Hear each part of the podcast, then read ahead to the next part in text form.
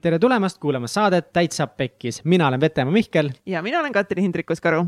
täitsa Pekkis saates me räägime huvitavate inimestega, põnevate inimestega ja üldse igasuguste inimestega asjadest, mis lähevad elus pekki, kuidas nad pekki lähevad, miks nad pekki lähevad ja kuidas siis lõpuks ikkagi äh, kõigest võitjana välja tulla uh.. ja tänases saates on meil kohas, kohal, kohas, mis asja, kohakalas. täna on meil saates mees, kes on võitja suure F-tähega, minu silmis vähemalt, see mees on Sven Nuu.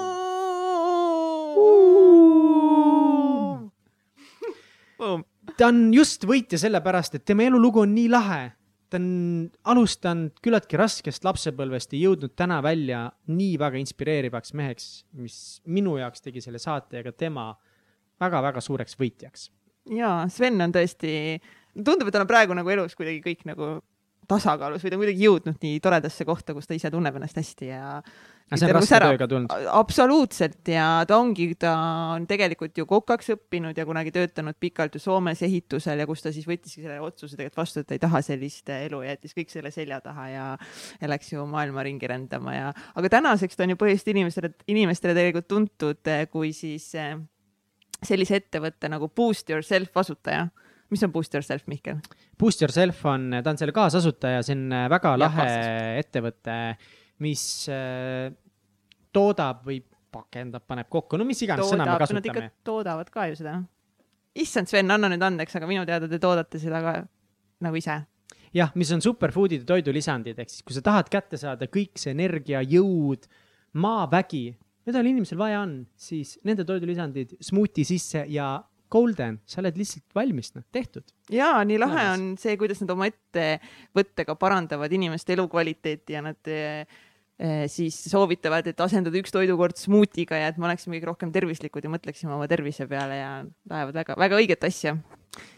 ja peale selle ja. siis äh, oma kogemustest Boost Yourselfi ettevõtte juhtidena ja turundusspetsialistidena ise selles ettevõttes töötades, on nad täna loonud ka turunduskoolitusettevõtte nullist, millel on siis oma koolitused ja ka podcast, kus nad räägivadki turundusest ja kogu sellest maailmast, reklaamist. ja väga paljuski need teadmised, mida nad seal edasi annavad, ongi needsamad, mis nad ise on praktikas läbi teinud eh, ja toimima saanud siis Boost Yourselfiga töötades ja see on väga lahe, Booster Self on isegi New Yorki välja jõudnud, et see on tegelikult üle maailma, inimesed tarbivad seda ja kõik need trikid-nipid tulevad nullist saatega ka inimesteni kohale. ja, ja mis on väga lahe, on see, et äh, Sveni elukaaslane käis meie saates mõned saated tagasi, Šalini. Šalini Sven on siis äh, koos üksteist leidnud ja tundub, et mm. küll sihuke väga hästi kokku sobiv on paar. jaa, nad on nii nunnud lihtsalt, nagu nii toredad, sihuke dream, dream couple, kelle poole püüelda. ja, aga jällegi nagu nad ise rääkisid saates ka, et, et see kõik ei ole nagu nii ilus, kui välja paistab ja, ja kõik ongi töös, suht-, suhtumises ja sinu mindset'is on kõik kinni. me kõik võime täpselt samamoodi teha, kui tahame. muidugi, muidugi, muidugi, nad on eeskujuks meile. ja, ja kui need inimesed sind kuidagi inspireerivad, siis jaga seda saadet kasvõi ühe, ühe, ühe, ühe oma sõbraga ja siis talle meeldib ka. ühesõnaga, jaga seda sõpradega ja ma arvan, et nad saavad ka siis tead naerda võib-olla meie üle, saavad tunda inspiratsiooni ja kõike muud. ja nüüd kõige tähtsam, kui sulle tundub, et see on lahe, mis me teeme, kui sulle tundub, et mina ja Kats oleme lahedad kelod. issand, kui halb sõna see on. palun minge ära kunagi enam seda kasutada. ma kasutan seda iga kord. kes see üldse on nagu, kes on kelo? siis eh, toetage meid Patreonis, patreon.com kaldkriips äh, Taitsa, täitsa pekkis, saate olla osa meie toetaja perest ja just äh, teie toetuste abiga me ostame teil tehnikat, äh, uusi videokaameraid, proovime selle asja ükskord Youtube'i üles panna ja kõike muud ägedat. nii et aitäh teile ja naudi seda, head kuulamist. head kuulamist. tšau, Sven. tšau, Mihkel. tšau, Katrin Kats ka. tore yes., et te aega tegid meile, ülitore, et sa siin oled ma usun, et tuleb põnev jutuajamine. no parem oleks, nüüd see muidugi pressure on kõrge, sa just ütlesid, et Svenil on aega ka, nii et uh. nii et võib rahulikult võtta täna või? jaa, täna võtame rahulikult.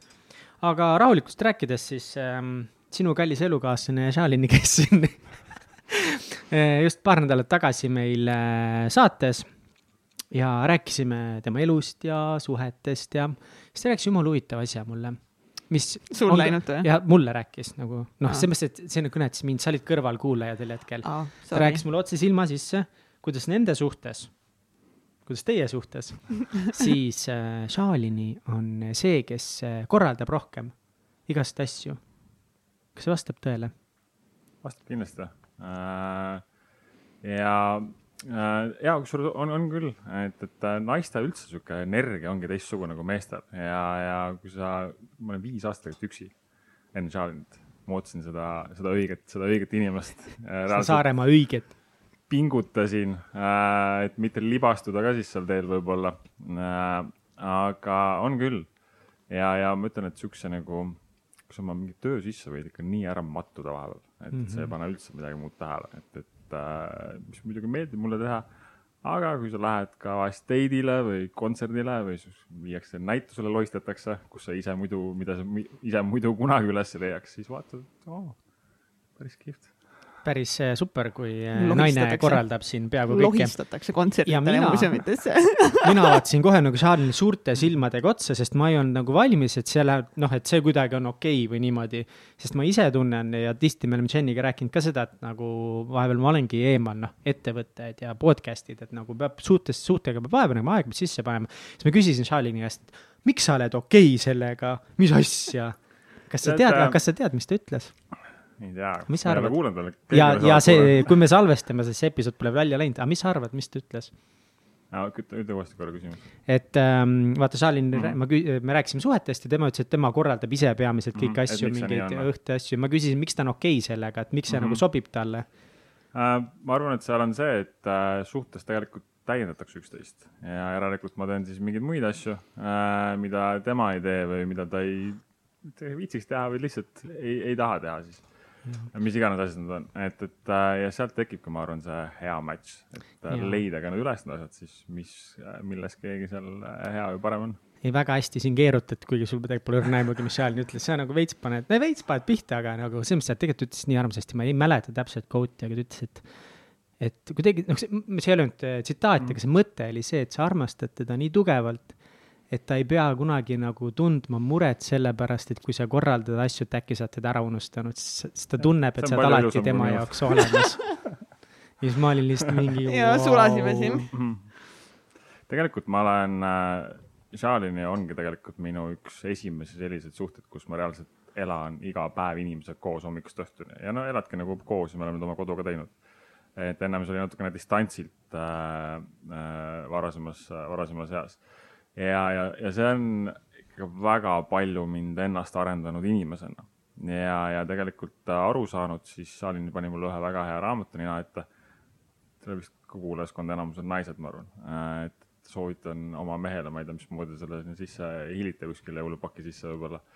Aga armastuse viis keelt, et see on naistele see raamat, Shahin luges ise seda väga vaimustanud, aga noh, ma ei hakka mingit naiste raamatut lugema. muidu mitte ei tähenda seda, et sa iseennast ei oleks valmis arendama nendel teemadel, aga siis ma vaatasin, et viis armastuse keelt meestele ka ja seal kirjeldas väga hästi ära need mingisugused rollid, et mis kelle, milles keegi parem on suhtes äh, kas ta siis äh, üks roll, noh, üks tüüp on selline, kes siis viib rohkem oma kaaslast välja ja muretseb nende asjade eest ja siis keegi on, kes siis kodu eest rohkem hoolitseb ja teeb ja ja ma ei tea, seal mõned olid veel. Ja, ja minu jaoks oligi tegelikult nõrk koht just see date idel käimine.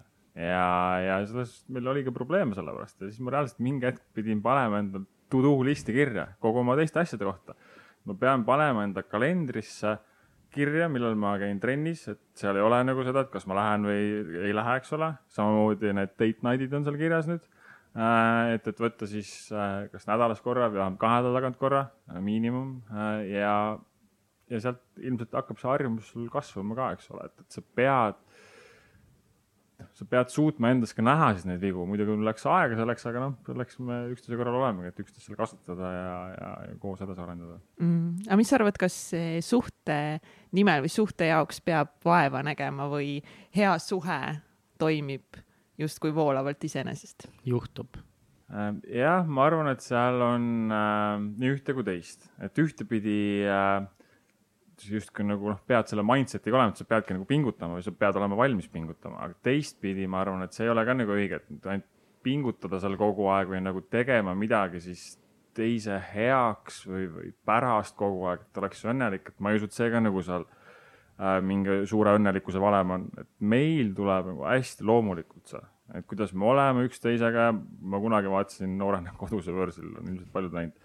Kõik kallistavad kogu aeg, et ma armastan sind, et noh, see on nagu nii imelik kuidagi, sest mul endal perekonnas pole sihukest asja kunagi olnud. ja, ja nüüd tegelikult me iga hommik ärkame niimoodi üles, et äh, me reaalselt ütleme mitu korda päevas üksteisele, ma armastan sind ja, ja sa oled kallis mulle. ja, ja mingid asjad, mida me toome välja äh,. ja täitsa mitu korda päevas, et, et me nagu oleme tänulikud selle suhte eest ka.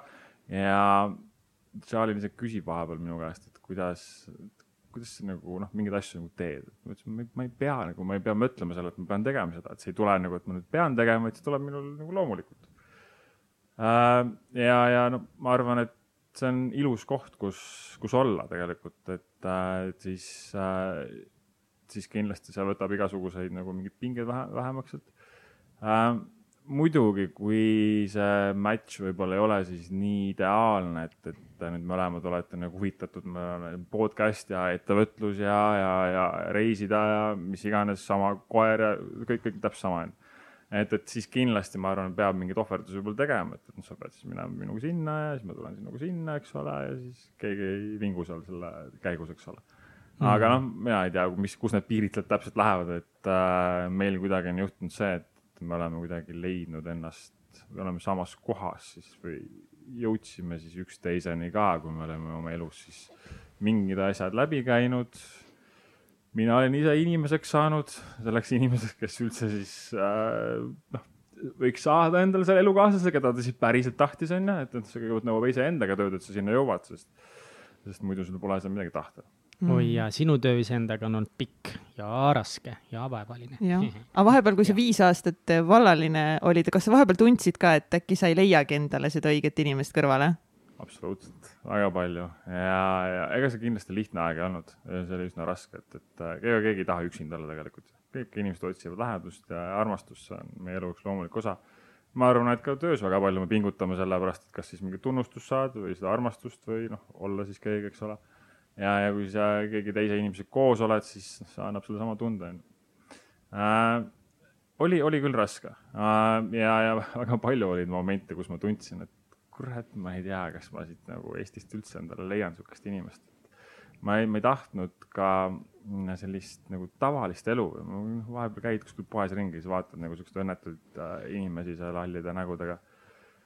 et, et äh, ma seda ka ei tahtnud, et, et äh, ma teadsin, mida ma nagu otsin, aga ma ei teadnud, kas see, kas see olemas on minu jaoks või, või kus ma selle leian või millal ma selle leian. aga samas ma ei andnud ka vist alla seal, et, äh, et mingi nagu, mul on nagu sihuke, mulle hästi meeldis vaadata nagu romantilisi filme ja unistada siis onju ja siis ma mõtlesin, et see vist ongi ainult nagu filmis. nii sleazy. et nii äh, ja, ja, ja oligi, et, et siis mõtlesin, et kas see nagu ongi mingi ainult mingi nagu sihuke filmis võimalik onju. oota, aga kas sul on siis kuidagi oli välja kirjutatud või su ainult oli sinu enda peas siis see mingisugune kuvand siis nii-öelda, kas ma saan aru sellest täiuslikust naisest ja täiuslikust suhtest või, või nii-öelda nagu sellest naisest suhtest, mida sa tahtsid? Äh,. mingid parameetrid võib-olla olid, aga mitte nii täpselt kui Šaline, kes äh, kirjutas välja endale seal terve listi asju, et missugust kaaslasest tahab. ma ei tea, kas ta podcast'ist rääkis. sellest, sellest ta ei rääkinudki hmm,, väga huvitav. ta kirjutas välja vist kas sada või sada kolmkümmend omadust ja siis ma mõtlesin nagu vau, et sa üldse leidsid nii palju nagu asju. omadusi ja kust sa palju omadusi üldse leiad? ja äh, ei, see oli päris, päris huvitav lugu, et võib-olla huvitav siis mingi aeg ta uuesti kutsuda sinna saatesse.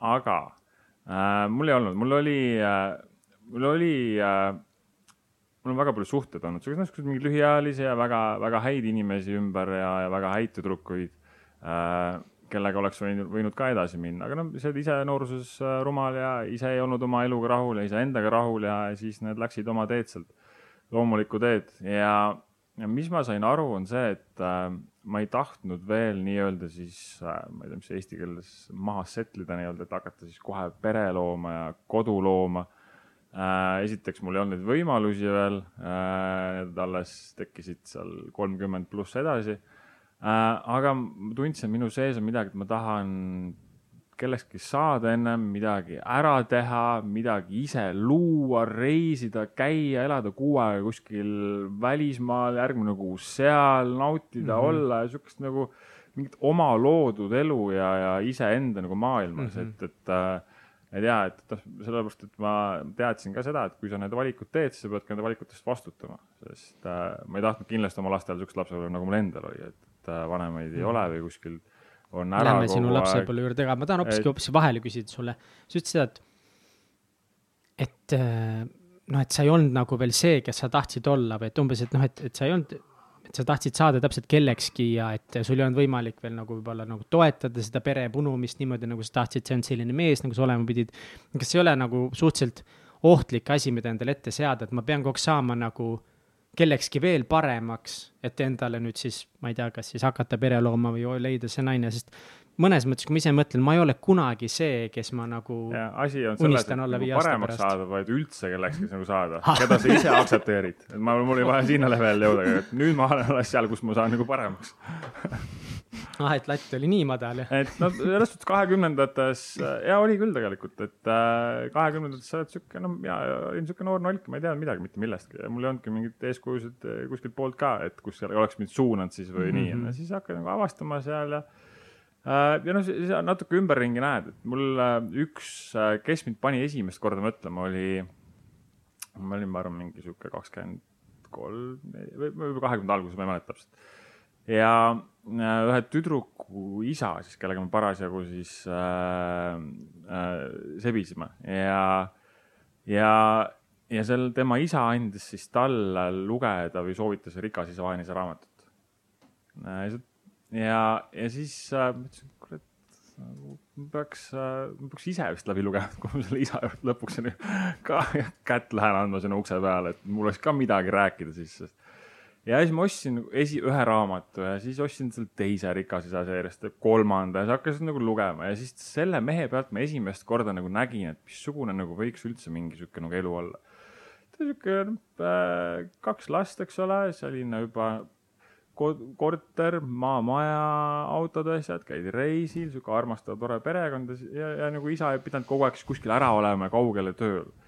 ja, ja sihuke nagu hästi-hästi sihuke sõbralik, armastav õhkkond kodus, et siis ma hakkasin vaatama esimest korda, et vot, mingit midagi sihukest nagu tahaks ise ka saada, et kuidas, kuidas ta nagu, et noh, hakkas tekkima esimest korda mingi tunne, et milline võiks nagu sinu elu võib-olla kunagi siis olla, et sealt tekkis mingi mm. sihuke säde.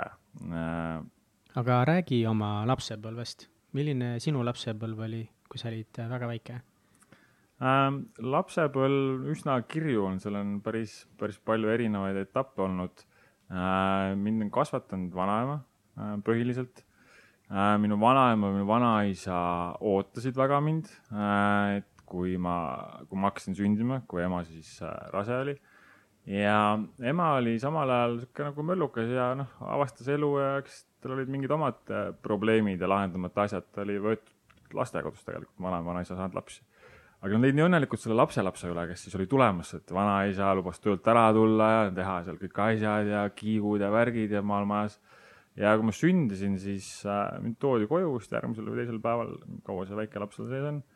ja vanaisa tuli just tulnud siis äh, tähistamast ja ütles, et ma täna ei tule viinahaisudega, vaatan mul natuke viinahaisud juures väikest last ja sama öö talle süda jäi seisma. ja vanaema ei jõudnud, noh, sel ajal ei olnud telefoni veel, et sa helistad ja, ja me elasime maal ka, et äh, kui ta lõpuks jõudis sinna üldse telefoni juurde, siis ei olnudki midagi teha enam. ja vanaisa, vana, vanaema hoidis mind siis ise, kasvatas mind ka siis äh, vanaisa poole pealt. ema, emaga ma elasin niimoodi vaheldumisi, et äh, enamasti ma olin vanaema juures kogu aeg suveti ka ja vahepeal olime siis emaga koos ka.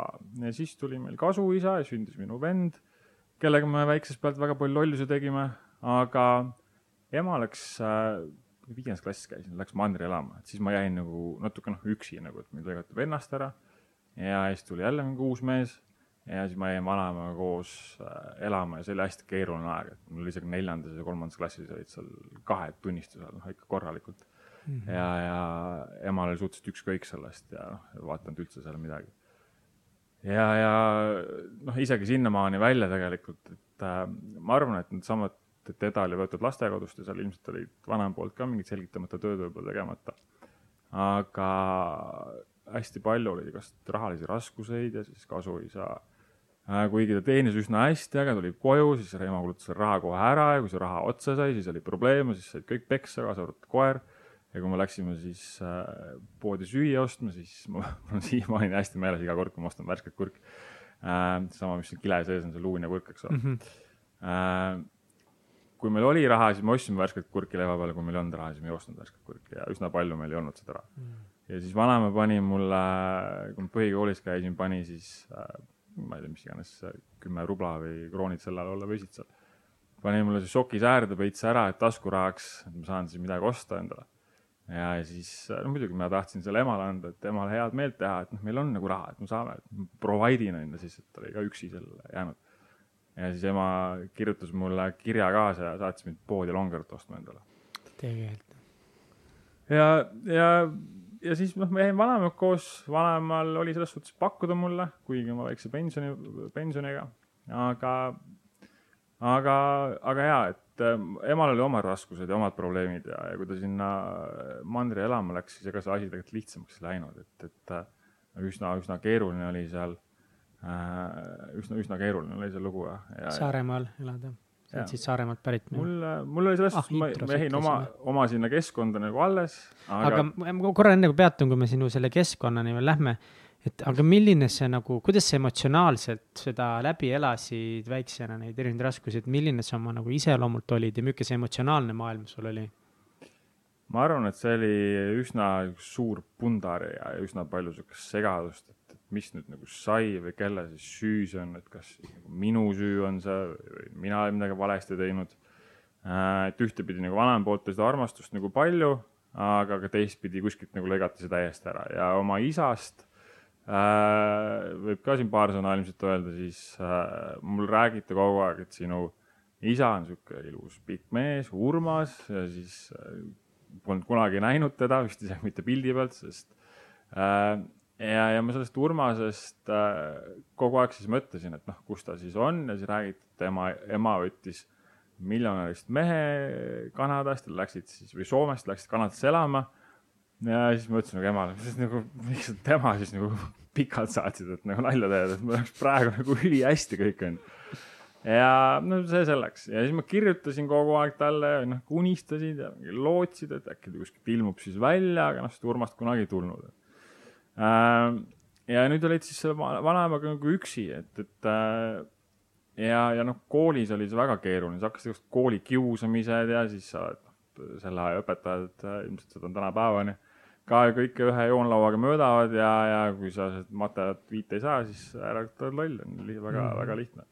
ja siis nagu sealt oli veel see nagu pinge ja siis kooli kiusamine ja siis, kui vanaema peab ikkagi tulema sul, ma ei tea, kas viies klass nagu paika panema sinu klassivendasid, et kuule, et Sven ei kiusa enam, seitsmekümne aastane tädi, tädikene ja ta panigi paika, ta oli selles suhtes väga karm, et ta nõudis nagu kõik välja seal aga kas see, see nagu muutis kuidagi nende teiste laste hoiakut, et see oli sama põhjus, miks mina pikalt ei rääkinud oma vanematele kooli kiusamisest, mul oli nii häbi.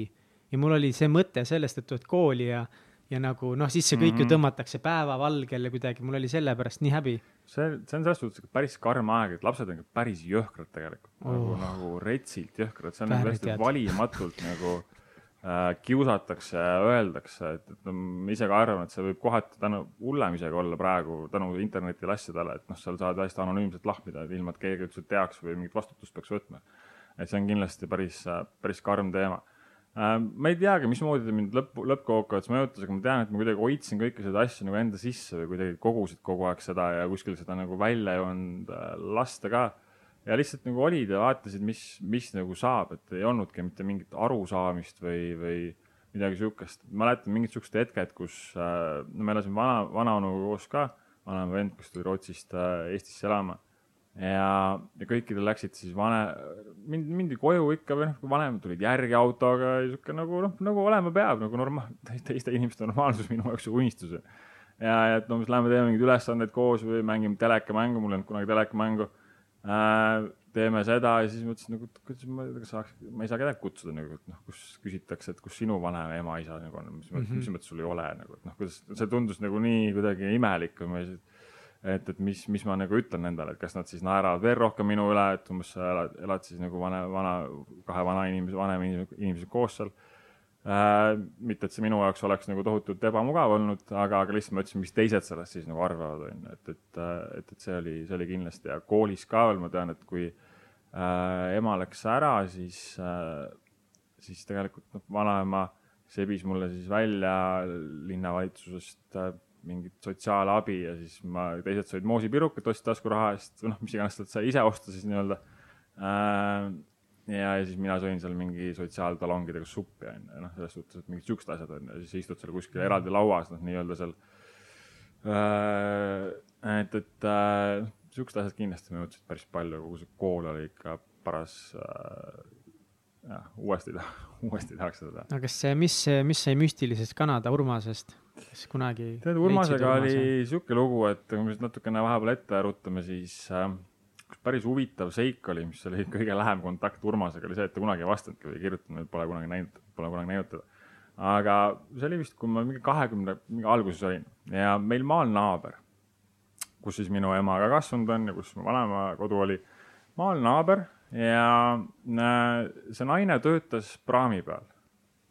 eluaeg ei töötanud seal ühes kioskis kogu aeg ja ma töötasin äh, mingi hetk Tallinki laeva peal, siis äh, tulin koju Saaremaale bussiga ja vaatasin, läksin nagu, tegin selle ajal suitsu ka. mõtlesin, et läks ostaks midagi nagu, mingit ajalehe kaasa endale. ja siis läksin, läksin, seisin, läksin sinna kioskisse praami peal ja siis nägin, mingi mees seisab seal ees ja räägib juttu selle naisega, kes oli meie maalt naaber siis ja, ja siis äh, vaatasin, et ah, jutustab siin, et jõuan veel suitsu ära teha, et on buss ja, ja Kuressaare koju ära. ja siis mingi kaks nädalat hiljem vanaema ütleb, et kuule, et see äh, Varje helistas, maalt naaber, et äh, sinu isa oli praami peal, Urmas. ja ta oli öelnud siis see Varje, see, see, see ajalehemüüja ütles selle Urmas, et tead, kes su taga seisis just hetk tagasi, sinu poeg. ja siis ta hakkas, Urmas hakkas mind omakorda otsima, aga ta ei leidnud ülesse ja et siis noh, ta oli käinud vist mingi Eestis või ma ei tea, mis ta siis Euroopas kuskil olnud, mis ta iganes tegi siin. ma proovisin veel siis kuskilt otsida üles, ma ei mäleta, kas mingi aadressi sain või mingi kirja kirjutasin kuskile, jätsin postkast, ega null vastust. Ja oligi kõik äh,. aga siis äh,, kui ma kolmkümmend sain äh,, siis tuli välja hoopis, et äh, naabrimees oli mu isa natuke hakkas kahtlustama, et et äh, käis seal vanaemal abis kogu aeg ja, ja siis kuule, äkki ma ikka olen hoopis Sveni isa, noh, seesama kioskimüüja siis vend põhimõtteliselt. ja siis mõtlesin, et nagu mina ei tea, et mul ei ole vahet enam ausalt öeldes, et me võime selle testi ära teha ja siis käisime, tegime selle testi ära ja noh, see on nagu sihuke awkward moment, et nagu kumb siis maksab selle testi eest ma ei mäleta, kes lõpuks maksis, ilmselt, ilmselt ma lasin tal maksta selle eest. aga, aga jaa, tuli välja, et mingi üheksakümmend üheksa koma üheksa tuhat seitsesada üheksakümmend üheksa protsenti kindel, et tema on sinu isa wow.. aga noh, ma ei osanud selle midagi enam öelda. Mul... Nagu, kas nagu tegelikult ka mingit emotsiooni siis sees ei olnud sellest või? tead, absoluutselt täiesti null ja, ja mis ma viimaste aastatega mõtlen praegu nagu, kus ma nagu olen või kes ma nagu olen või, või milline ma olen, siis ma lihtsalt äh,, noh, see ilmselgelt oli nagu mingi juhuslik asi nendel pidi olema, noh, mina ei tea, mis iganes ta oli see. ma olen lihtsalt tänulik selle eest, ma olen äh, emale seda öelnud ka, et nagu mis, meil on olnud suhetes nagu üles ja allapoole neid äh, aga, aga et lõppkokkuvõttes ma olen tänulik, mis iganes juhtus, täpselt nii, täpselt sel hetkel, sest ma võiksin olla mingi puu või lihtsalt äh, hoopis teisest soost mingi teistsugune inimene äh,. või üldse, või üldse, üldse sündimata jäänud olla, eks ole, et, et äh, lõppkokkuvõttes ma olen tänulik nendele selle eest, mis iganes see oli, oli see seal äh, jah, et, et äh, muud ma, muud ma ei oska tunda selle kohta. aga te ei ole proovinud äh, suhteid luua või olla nagu tead äh,, me oleme nagu suhtlenud paar korda mingi, mingite kuude jooksul, aga me ei oska nagu mingit connection'it tunda seal, et, et ma arvan, see rong vist on läinud, et ma arvan, ma juba kahekümnendates loobusin sellest nagu vanemate asjast, et, et äh, ei tulnud ja siis ei tulnud, et noh, noorena nagu unistasid ja lootsid ja ootasid seal äh,. aga jaa, et, et seda ei tulnud ja siis ma ilmselt lõin käega ja siis ma sain aru mingi aeg, et pean ise hakkama siis äh, ise hakkama tegutsema ja, ja kui ma kunagi endale pere loon, et siis äh,, siis ma tean, kuidas mitte teha. Mm.. sa oled äh, täna oma tegemistes ähm, nii turundusvaldkonnas, ettevõtlusvaldkonnas, mulle nüüd täiesti ootamatult ka sangpommi harjutuste valdkonnas eeskujuks sa oled äh, väga hea suhtemees, me kuuleme nii sinu enda suust kui Shalini suust ja, ja linna pealt üldse kuuleb igast ägedaid lugusid sinust, et, et kuidas äh, see teekond siis sealt Saaremaalt suurest sellest segadusest ja küllaltki sellisest nagu süngest ja võib-olla ka mitte väga laia silmapildiga noormehest siis sirgus välja sina, et äh, mis sa, mis sa üldse tegid pärast gümnaasiumi või keskkooli või põhikooli? ja ma läksin, õppisin ametikoolis kokandust äh,, sain sealt mingi ameti äh,. ja, ja siis töötasin tegelikult äh, kokana mõnda aega. iseenesest mulle meeldis see ja täna, täna ma tunnen, et see oskus on kasuks tulnud, sest kodus Shalinil, noh, koroona ajal oli ikka täielik äh, volt, äh, kogu aeg olid seal äh, asjad laua peal äh,. aga, aga aga üsna nagu raske oli see elu tegelikult, nagu väga rets elu on nagu köögis töötada või üldse teeninduses ka nagu tohutud pikad päevad ja nagu metsik andmine käib kogu aeg. ja siis ma nagu vaatasin, et see ei ole ka nagu see, see palk oli ka tol ajal üsna väike, mingi seitse tuhat krooni sain vist palka äh,. ma ei tea, mis ta eurodes seal alla, alla viiesaja midagi vist. noh, sel ajal oli väike palk mm, -hmm. seitse tuhat krooni seal äh, kaks tuhat viis aastal midagi siukest ja, ja siis mu sõbrad olid kuidagi sattunud Soome tööle äh, ja need mingi nelikümmend viis tuhat krooni saame sinna, mingi kolmkümmend on nagu miinimum, et me saame lihtsalt selle eest juba, et me oleme siin Soomes, me saame viissada eurot, viissada krooni päevas, vabandust, nagu päevaraha, siis mõtlesin nagu, nagu, on see nagu päris jutt? Ja, ja, ja siis natuke läks veel mööda ja ma pakkisin ennast ka kokku ja mõtlesin nagu, mis vahet seal on selles suhtes, et nagu, noh, siis oli see, et vaata, oleks nagu raha, see on mm. kahekümne sihuke kahene, kolmene noh, tüdrukutes vaja käia peol ja autol ja sinna on vaja igast asju osta juurde ja nii edasi ja, ja, ja siis olidki seal ja see noh, selles suhtes oligi äge, et sul oligi kogu aeg raha ja ma nagu tundsin, et vot ma ei pea enam seal muretsema, et kas ma saan värsket kurki osta, ma ostsin seda, mida ma tahtsin poest, mitte seda, mida ma saan osta. mis tööd sa sinna Soomes läksid tegema äh,? ehitus või tellingud siis, et äh, päris suurte maailma suurimaid kruiisilaevu ja tuumaelektrijaamad, kus no, väga suured rahvusvahelised objektid, kus on mingi neli-viis tuhat töölist, et, et äh, ja hästi füüsiline töö, turnid seal kuskil vahest mingi viiekümne meetri kõrgusel täiesti nagu noh, niimoodi sa võid iga hetk all kukkuda põhimõtteliselt ka, et äh, muidugi sul on tur turvaelemendid ka. aga siis olid seal tööl, sa teenisid raha ja sa tulidki Eestisse ja vahetasid ära oma seal tuhat eurot, said viisteist tuhat krooni põuetaskus, väga äge, noh, lähed panid pidu jälle, kõik on kihvt, eks ole. siis ka nagu tunned, et kurat, nagu kas ma nagu siis jäängi siia või nagu, mis edasi saab, on ju, et, et, et kas nagu. Noh, aga kaua sa olid tööl olnud, kui sa hakkasid esimesi neid mõtteid mõtlema, et kas see ongi nagu kõik? midagi siukest, on ju. ja siis, siis tekkis ka see. sa oled ikka väga rikas mees olid siis, siis päris äh, mitu aastat. siis hakkas tekkima, siis, ja siis, siis oligi vist sama aeg, kui ma rääkisin sellest, sellest oma ühe tüdruku isast, on ju, kes natuke andis mulle mingit eeskuju. et siis hakkas tekkima ka see, et nagu noh, tundsid, et nagu on ka mingil teisel levelil ikkagi jõudma, et, et äh, ja hakkas mingi, mingi kipi hakkas sees nagu pitsitama, et ma pean midagi veel tegema, siis ma ütlesin, et äh, okei okay,, mis, mis optsioon mul siis on siin, et äh, siis ma läksin, astusin ülikooli kaugõppesse, ma ütlesin, et ma teen siis mingi programmi läbi, mulle tundsin, mingit keskkonnavahetust on vaja. miks sul keskkonnavahetust vaja oli ähm,? Äh, ma nägin, noh, sa töötasid koos seal ka siukeste neljakümne, viiekümne aastaste meestega, ütleme, kes ei ole nagu mingi suur success olnud äh, elus seal ja sa nägid sihukest nagu kibestumist ja, ja, ja nagu null muutust nende enda poolt, teeks midagi teistmoodi, siis äh, mitte midagi. ja tundsin, kuidas keskkond oli nagu nii ebasoosiv nagu üldse mingiks arenguks äh,. ja, ja ma tundsin, mul on vaja nagu mingit teistsugust keskkonda ja, ja siis panin oma paberid sisse ja käisingi siis reaalselt äh, Tallinnas kaugõppes koolis, Kuressaares elasin, Soomes siis tööl samal ajal, et, et, äh, et sihuke ring oli siis kolm aastat ja, ja ja noh, kui sa ikka põhikoolist tuled, lihtsalt tambitakse täiesti rumalaks seal, noh, ega sul nagu mingit suurt nagu hinnangut ei olegi, aga siis hakkasid lugema kuidagi raamatuid ja uurima selle kohta ja siis nagu. oota, mis sa, mis sa õppima läksid äh,? ettevõtlust okay.. Äh, ja noh, siis ma olingi tegelikult lõppkokkuvõttes, ma olin siis kokk ja siis äh, Soomes käinud tööl ja siis oli nagu diplomiga ärijuht, et noh, mis, mis ma sinna CV-sse panen siis, et poiss, kus sul siis see kogemus on, et mille järgi tööle võtta mm -hmm lõpptulemus oli see, et ma ei kandideerinudki mitte kuskile, sest äh, mul oli reaalselt enda CV pärast nagu piinlik äh,. aga, aga üks mees, kellele ma pean andma austust, kes tänaseks on lahkunud meie seast, Saaremaa üks äh, legendaarsemaid ettevõtteid Priit Slivlik, kes kes on, oli ka ennast siis ise üles töötanud täiesti nullist, ta oli piimaautojuht kunagi kolhoosis, äh, vanem mees juba. kuidas see nimi oli? Prits Liblik ja tema on Prits siis Saaremaa meri ja hotellide rüütel enda siis äh, ehitanud ja loonud ja tal on no, veel igasugu, igasugu ärisid seal. mul oli vaja siis ülikoolis praktikale saada, kuna ta oli meil maal naaber ja vanaema hästi tundis teda, siis äh, läksin siis istusin tema sinna maha äh, suur villa, istub seal viskid, asjad seal, suitsu, Audi A8 Langanoovis, eks ole, et noh, mis mina siin Soomest nagu tulin, et tahaks nagu sulle sinna hotelli või mingi praktikale tulla, et mingit, no õpin ka siin turundust ja asju ja, ja nagu selles suhtes tema, mis ta nagu mulle andis nagu esimest korda mingi siukse enesekindluse üldse nagu enda sees, et, et sa võid ka päriselt midagi teha siin sest no ega ma seal pärast kooli lõpetamist mul ei olnud midagi siukest, onju, et ma ei teadnud ikka, mis saama hakkab. sul ei olnud mingi enesekindlust või ideed, et. absoluutselt, ma ei teadnud üldse, mis saama hakkab nagu, ma lihtsalt tegin ära, mõtlesin nagu, kui ma pean vähemalt nagu ise midagi pingutama. ja no ikkagi saad sa tunda, et noh, midagi ma tegin ikkagi ära, sest viiskümmend protsenti nendest ei lõpetanud seal, kes isegi juhtivatel kohtadel töötasid, et, et äh, ma ikka suutsin ära lõpetada seal.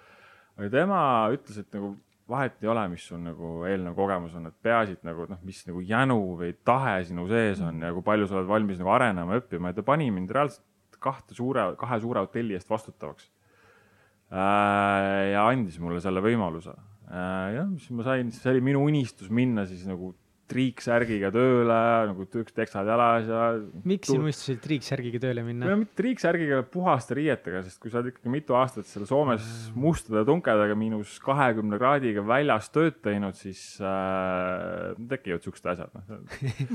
et, et äh,, et see oli esimene, esimene kord, kus ma siis tundsin, et et äh, ja, et võib teha küll, et noh, hakkasid nagu nägema seda, et inimesed on ennast samamoodi ise siis nullist üles töötanud, et, äh, et, et see on ikkagi, sa nägid nagu, raamatut lugesid küll, aga nägid siis ka oma äh, siitsamast kohalike inimeste pealt seda.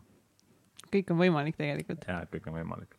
ja siis sa hakkasid, kas sa siis hakkasid nagu, siis hakkas elu pihta, siis hakkas arenema äh,? ja, et siis, siis hakkas midagi, midagi toimuma ja samal ajal tegelikult ma ise kogu aeg hästi palju, siis mul tekkis tohutu nagu huvi selle ettevõtluse ja turunduse vastu ja kogu see, et mismoodi ka üldse noh, on ka arusaam, kuidas asjad nagu liiguvad. ja selles suhtes see Maineri kool oli minu jaoks hästi hea, et ta oli hästi praktiline, et seal õppejõud oli reaalselt ise, kes siis tegid, mitte äh, kes siis lihtsalt sulle mingit teooriat räägivad seal, aga tegelikult asjad mitte midagi ei tea. Äh, selles suhtes mulle see kool väga meeldis. ja, aga siis läks ikkagi veel aega lõpetasin kooli ära ja see oli mu iseendale lubadus, et äh, ma pakin endale asjad kokku äh,, ütlesin ülemusele äh,. ma väga tänan sind selle võimaluse eest ja see Soome ülemus oli mul ka siis väga austusväärne mees ja ta kindlasti õpetas mulle väga palju juhtimise koha pealt.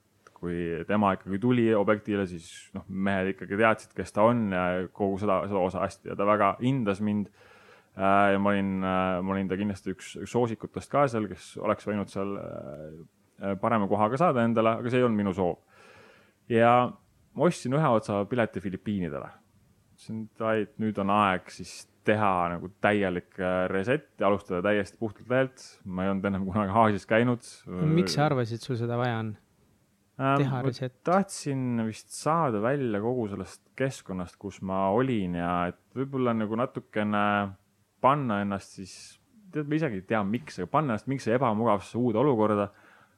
Sest see on novembrikuus ikka Saaremaal istud äh, pimedas, sajab kogu aeg, siis nagu muutub üsna kurvaks, et noh, siis äh, selles jah, sa juba internetist ju näed ka, mis mujal maailmas toimuda võib.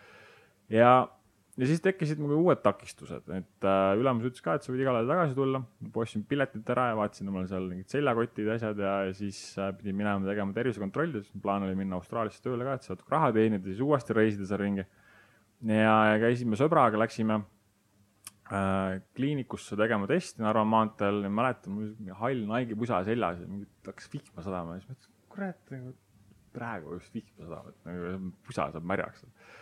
ja käisime seal kliinikus ära, sõber tegi oma testi, selle pildi ära ja siis äh, see õde küsib minu käest, et kurat, kas sul on mingi köhaväsi, et nagu mingi imelik on see. ei ole, ma olen nagu terve, suitsetamise jätsin maha mingi pool aastat tagasi ja peaks jumala vinks-vonks olema no mina, mina arsti juurde läksin, läksin, läksin üles arsti kabinetti, siis ütles, kuule, ma ei tea, siin võib-olla on tuberkuloos, võib-olla midagi muud, mine esmaspäeval Hiiu arstile, ma ütlesin no. võib-olla on tuberkuloos aa, et no jah, siuksed uudised. ja, ja, ja siis astusid sealt kliinikust välja, noh, see märg pusa ei tundunud enam nii suur asi, kui ta enne tundus. Ja siis ma läksin, äh, läksingi, järgmine esmaspäev olin siis äh, Hiiu haiglas, topiti mulle mingid torud kokku, tehti kopsubiopsia ja avastati siis autoimmuunhaigus nagu sarkoidoos mis iseenesest ei ole mingi surmav haigus, aga kuna ta oli mul nii kaugele arenenud, mul üks kops oli täiesti täis seda ja ta on mingi sihuke hästi pikaajaline siis põletik, mis võib tegelikult tekkida sul siis maksa või neerudesse, nahka, silmadesse, no selles suhtes see võib nagu mm. hakata levima sul igal pool äh,. Ja, ja suuresti siis peetakse seda elustiili ja noh, mingi toitumise asjad, keha on hästi põletikuline, siis mul ülikoolis kogu aeg noh, mingi Red Bullid, kohvid, magamatus, kogu aeg mingid asjad, siis mul ei olnud tervislikku mitte midagi seal, hästi palju saia, valmis toitu. kas üldse teadsid midagi tervislikust midagi, noh, sa läksid objektile sa võtsid omale, ütlesid, okei okay,, mitmekesine toitumine, see, et ma võtsin ühe hakklihasaarene pitsa, ühe singi oma ja siis kolmas oli veel mingi teine seal ja siis äh, marli, üks oli jõhvikamahl ja teine apelsinimahla, noh, pakimahlad, selles suhtes oh., see oli tervislik toitumine, üks, üks banaan või õun võib nädalas, et noh, see, sa ei teadnud mitte midagi, vee joomisest, asjadest, kuidas keha mingi puhastab ennast või null täiesti aga mida sa tundsid, kui sulle see diagnoos anti, kas see oli sinu jaoks nagu hirmus või sa olid pigem mingi, et ah, mul on üldse kõigest suva või? see tekitas siukest tunde, et nagu, kui ma olin kogu aeg natuke noh, käisin oma ülikoolis ja seal äh, tööl samal ajal ja natuke nagu noh, mingis mõttes see võttis ka aega, aga mingis mõttes ma nagu lükkasin kogu aeg edasi siis oma mingit sammu. ja, ja kui ma kahekümne kuueselt sain selle diagnoosi äh, ja no mul taheti panna siis mingi hormoonravi mitu aastat, äh, lugesin, hakkasin lugema siis selle haiguse kohta, see põhimõtteliselt suure tõenäosusega, kui sa raviga selle välja ravid, mis ei ole siis üldse selle mõeldud ravi, siis sööd neid rohtusid terve elu lõpuni, mis keerab su organismi täiesti pekki. ühesõnaga kõrvalnõud olid nagu väga jubedad, seal on kaalutõusud, depressioonid, akned, noh, kõik nagu täis, täis laks nii-öelda. ja, ja see tekitas mulle selle tunde, et kui ma sealt välja tulin, ma ütlesin, et nagu kurat, need tingimused, mis seal nagu ennem olid, eile, ei pruugi olla enam homme nii head või sellised või ideaalsed, nagu sul olid ennem ja see selles suhtes pani tegutsema heas mõttes nagu jalaga tagumikku nagu väga reaalselt ja, ja, ja, ja pani, pani mõtlema mingite asjade üle küll. ja samas muidugi tekitas nagu, et miks siis see minuga nagu juhtus, onju, et ma just tahtsin nagu hakata mingeid asju nagu tegema ja, ja muutuma ja, ja, ja minema. ja siis ma hakkasin toitumist uurima. aga kas sa siis läksid Filipiinidele või ei läinud? ei läinud, ma ei saanud minna, et, et pidin edasi lükkama seda ja siis ma hakkasin toitumisega tegelema ja, ja uurima ja, ja muutsin seal oma toitumist, see võttis ka muidugi oma aja seal, aga lõpuks ma sain siis ilma ravi alustamata toitumisega terveks. see ei ole nüüd mingi arstlik soovitus siin autoimmuunhaigused ravida, ilma, ilma ravita, iga haigus on erinev, aga ma võtsin selle vastutuse enda tervise eest äh,. arstide konsiilium hoiatas mind tugevalt, et sa riskid eluaegse kopsukahjustusega äh,. ma olin valmis kõike tegema, ma olin valmis kõik, absoluutselt igal pool minema, mis vaja on teha, et ma saaks uuesti tagasi sinna, kus ma ennem olin. ja mm., ja ma sain lõpuks tõusta terveks, ma pidin minema veel siis vahepeal Soome tööle, et siis äh, raha teenida ja, ja, ja poolteist aastat läks äh,, poolteist aastat läks mööda, sain terveks. Läksin, tegin hirmuga selle uue kopsupildi ära, ostsin selle pileti Filipiinidele äh,. ja, ja kui ma siis sinna lõpuks jõudsin, siis ma tundsin, et no, vau, see oli väärt seda, et, et äh, kui ma ei oleks otsust võtnud või seda julgust ei oleks leidnud endas Äh, et siis ma ei oleks kunagi saanud kogeda seda, et äh, ma olin seal külmas veebruari pimedal kuul olin tegelikult siukses päiksepaistel oli seal kakskümmend kaheksa valge liiv ja rannad ja, ja kõik lõbusad ja toredad inimesed ümberringi seal. et, et siis sai nagu see arusaamine, et, et äh, tegelikult sa pead nagu leidma endas neid väikseid julgeid samme, et midagi siis teha. mis sa konkreetselt siis oma toitumise või elustiili juures muutsid ähm,?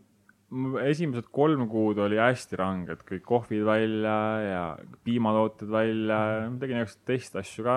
Äh, kas mul on mingit talumatust konkreetselt ei tuvastatud, aga ma ise jõudsin sinna, et mu keha oli hästi põletikuline, sest ma ei olnud värsket asja söönud, kogu aeg said valmis toite, valmis toidud on hästi palju lisaained, hästi palju siuksed keha koormavad ained väga palju sulle energiat ei anna ja, ja selles suhtes noh, üks-kaks valikut ei tee midagi täna onju aga, aga aastate jooksul need sajad ja need võib-olla isegi tuhanded valikud lõpuks kuskilt keha annab järgi seal. ja kui sa kogu aeg oled veel sinna kohvi ka peale, siis tegelikult organismil ei tekigi üldse võimalust siis nagu taastuda või ise nagu noh, sul ei ole ise neid toitaineid, mille peal laduda ja ma mäletan, et ma isegi ise ka ostsin poistega, noh, soe toit oli friikartul, ahju ja sardell ja, ja, ja ketšup on ju, ja siis äh, osteti, ostsime poest neid multivitamiine, mis kihisavad, need kahe eurosed, ma, ma arvan, nendest oli rohkem kahju kui kasu, et reaalselt noh. et sa jõid seda sodi endale sisse ja, ja keha lihtsalt mingi hetk andis, andis järgi ja, ja siis ma hakkasin otsima siis viise, et kuidas, ma teadsin, ma pidin oma toitumise muutma siis selle aluseliseks, et hästi palju siis värsket tooma. No see oli selles suhtes, sa pidid hakkama täiesti uute silmadega poes käima, et noh, ja siis ma hakkasin lugema etiketti, nagu mis üldse seal toitude sees on. aga no, kas see oli põnev või oli see nagu raske ka sulle või et see on mõnes mõttes ikkagi täitsa sinu harjumuste vastane? ja, ja ei, see oli, mina ei tea, mul vist ei olnudki mingit valikut seal, et seal ei olnud see, et noh, Mm. kas ma nüüd tahan nagu muutuda või ma ei taha või ma hakkan homme või ülehomme seal ja selles suhtes ei olnud mitte mingit küsimust enam, see lihtsalt nagu oli üks, üks optsioon ainult seda teha ja oli kogu lugu. aga kui ma hakkasin nagu vaatama, mis asju siin on nagu toidutööstus sinna toiduainet sisse paneb, siis ma ütlen ikka nagu kaheksakümmend protsenti sellest, mis poest ostame, on nagu täielik rämps lihtsalt Mm. meie kehale kahjulik et äh, ja siis hakkas mingi nagu uudishimu võib-olla rohkem tekkima selle vastu, siis ma avastasin supertoidud, et aa, et kui ma söön seal mingit kakaod ja, ja, ja mingeid mustikaid ja neid asju ja siis ma hakkasin, kuidas ma siis söön, et okei okay,, ma teen ühe salati päevas. Fine, aga no kaks või kolm salatit päevas süüa, see läheb nagu paljuks onju ja siis ma hakkasin äh, blenderdama neid värskeid asju. Marjad ja, ja need äh, rohelised ja, ja igasugused puuviljad ja seemned ja, ja asjad ja, ja superfood'id sinna juurde ja, ja ma jõin ja siis ma läksingi sinna Filipiinidele ja siis jäingi kuidagi neid smuutisid seal jooma nagu see jäi mulle külge, see harjumus, et noh, oma kehale midagi siis värsket anda seal. et äh, me jõuame seal pärast välja ka, et kus see seal lõpuks kasuks, kasuks tuli äh, või kus see nagu siis see klikk ära käis seal. aga, aga jaa, et noh, sel hetkel sa ei saanud nagu aru, sest miks see nagu juhtus. aga noh, pärast tagasi vaadates siis äh, must Steve Jobs on väga hästi ütelnud, sa ei saagi nagu neid punkte ühendada mm. ette vaadates, vaid ainult nagu taga, tagasi vaadates. see on üks mu lemmiktsitaate vahepeal, ma olen seda mingi mitmest saatest. aga mis tunne siis oli seal Filipiinidel ikkagist nagu olla ja kaua sa seal olid ja mis sa tegid mingi seal? kuu aega seal, Steve äh, lihtsalt olin kõne. seal, seiklesin ringi seal. Ja, ja noh, kui sa olid oma siin äh, pimedast Eestist tulnud, siis hästi vaatasid nagu, nad on nagu elav vaesus seal nagu väga vaesed, palgad on väga väikesed ja nad on nagu lõbusad kogu aeg, nad ei nagu ei muretse seal millegipärast, ei ole nagu mornid ja siis ma mõtlesin, mis see eestlane nagu vingub siin kogu aeg, müüa oma kuradi diivan maha ja osta see kuradi kolme sotiga pilet ja mine minema. sa saad hakkama ikka mingit pidi. Et äh, natuke nagu mingit teistsugust elu näitas vist ja, ja, ja siis seiklesime seal veel ringi. ja läksime Austraaliasse. hakkasid tööd otsima seal, noh, olid ka maandusid seal Austraalias, seljakoti kohta kell kaksteist, vaatasid vasakule paremat, mis, kuhu poole ma siis nagu lähen, et mis saama hakkab, midagi ei tähenda. ja, ja hakkasid seal tööd otsima, et äh, ega seal ka selles suhtes lihtne ei olnud kindlasti, et äh, alguses pidin mingit ehitustööd tegema seal äh,. et üldse mingit raha saada ja, ja siis kuskil survehaamriga seal mingit äh, rikkurite hoove sealt tsemendist üles peksta ja siis tassid seda käru peale seda betooni mingi kolmkümmend kuus kraadi ja on õues, õues kuum ja noh, teistpidi nagu raskus jälle on et sa nagu arvad, et noh, igal pool, kus on soe, see on äge, ei ole tegelikult. oota, aga sa seda põlluasja ei pidanud tegema või? ma olen aru saanud, et kõik peavad minema põllu see peale. on ainult siis, kui sa tahad teise aasta viisat saada, aga ma läksin selle okei. mindset'iga, ma lähen ainult äh, aastaks sinna Davai, davai. ja, aga siis ma sain äh,, siis ma mäletan, mul on siiamaani üks nagu pilt ees, läksin seda siis semendikäru sinna lohistad kuskilt mäe pealt, sa all ei kuku sellega seal mingi tohutud palav ja väsinud, palk oli mingi kakskümmend dollarit tunnis, üsna nagu okei okay. ja siis mingi vend sõitis selle, ma ei tea, kas te teate, Gone in six seconds oli see Mustang. Jaa. Eleanor. kus äh, jälle, jah, sellega sõitis mööda. vaatasin nagu, ole kuss lihtsalt ole, kas, kas sa oled mingi viiskümmend või? ja, ja siis, aga ma sain, siis ma käisin oma CV-sid jagamas, ma sain tööle lõpuks Hiltonisse mm. -hmm. mul oli Indu peakokk, saksa mees oli mul seal äh, sous-chef ehk siis nagu peakoka parem käsi. käisin töövestlusele, ma olen viis aastat kokk olnud. ja siis ta küsis mu käest, kuidas omletti teha. ma ei saanud aru isegi, mis ta räägib, see aktsent oli nagu nii my tugev God. lihtsalt, aga siis kuidagi puterdasin selle ära selle ja noh, inglise keel ka ei olnud mingi fantastiline, sest kui sa noh, sa aru said kõigest, aga, aga sa ei nagu ei rääkinud võib-olla nii äh, fluently veel siis.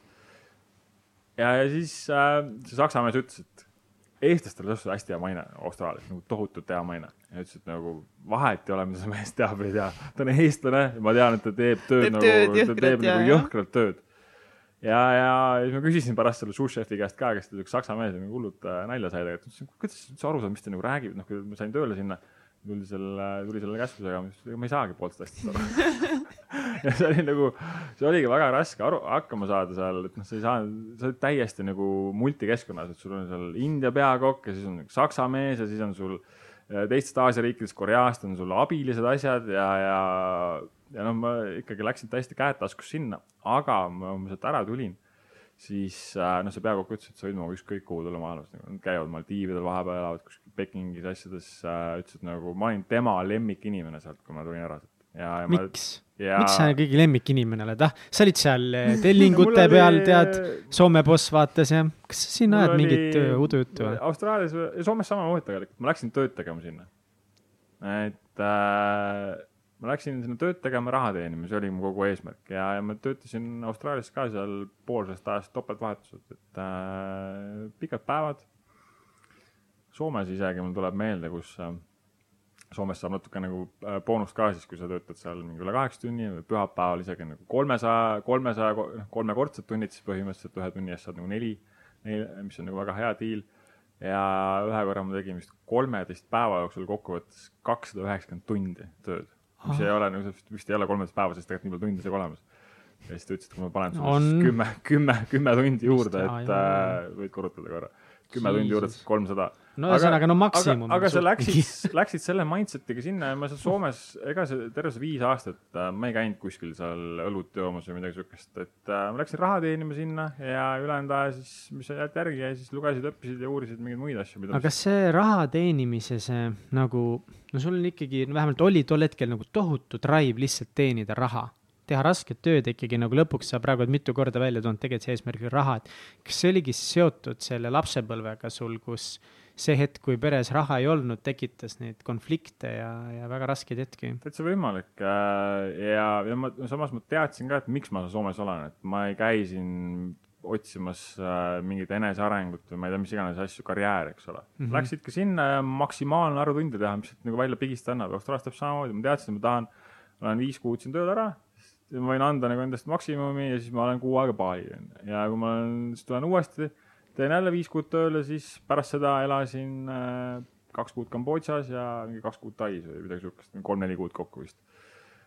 et noh, see oligi minu siis see puhkus nii-öelda onju, et tegeleda siis muude asjadega Äh, ma tean, et selles suhtes eestlasi on, eestlastel see nagu kõva töötahe, et see on, see on küll nagu sihuke asi, mille, mille üle me võime uhkust tunda, ma arvan. Mida hinnatakse maailmas ka, et noh, teises maailma otsas oli seda tunda nagu, et nagu nii väike, kui see Eesti on mm, -hmm. et see oli päris nagu äge. oota, sa olid siis aasta aega ära seal Austraalias, jah? aasta aega kokku mm, -hmm. et, et ähm.... aga kuidas sa seal siis nägid enda tulevikku ja mis sa, mis sa mõtlesid tollel ajal?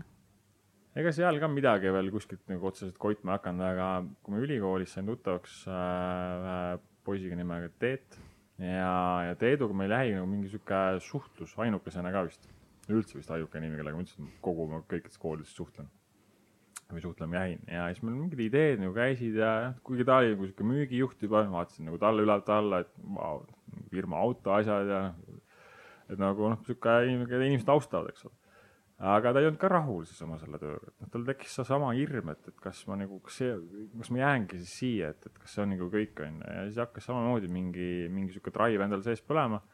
ja siis me kogu aeg nuputasime mingeid asju.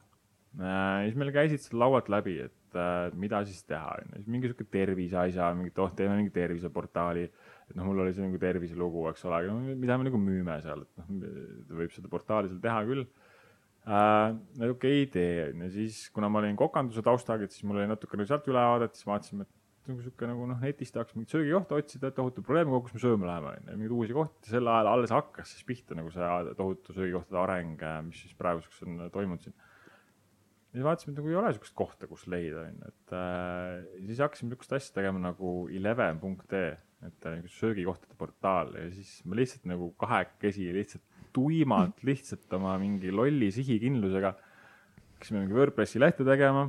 Äh, ja ise pusisime selle lehe valmis, ostsime Wordpressi siis template'i valmis kujunduse viiekümne dollari eest, registreeritud mm -hmm. domeeni äh,. mõtlesime, mis me selle nimeks paneme, Teet ütles, ma ei tea, mul on üks pakkumine Eleven, mõtlesin davai, domeen on vaba, kogu lugu.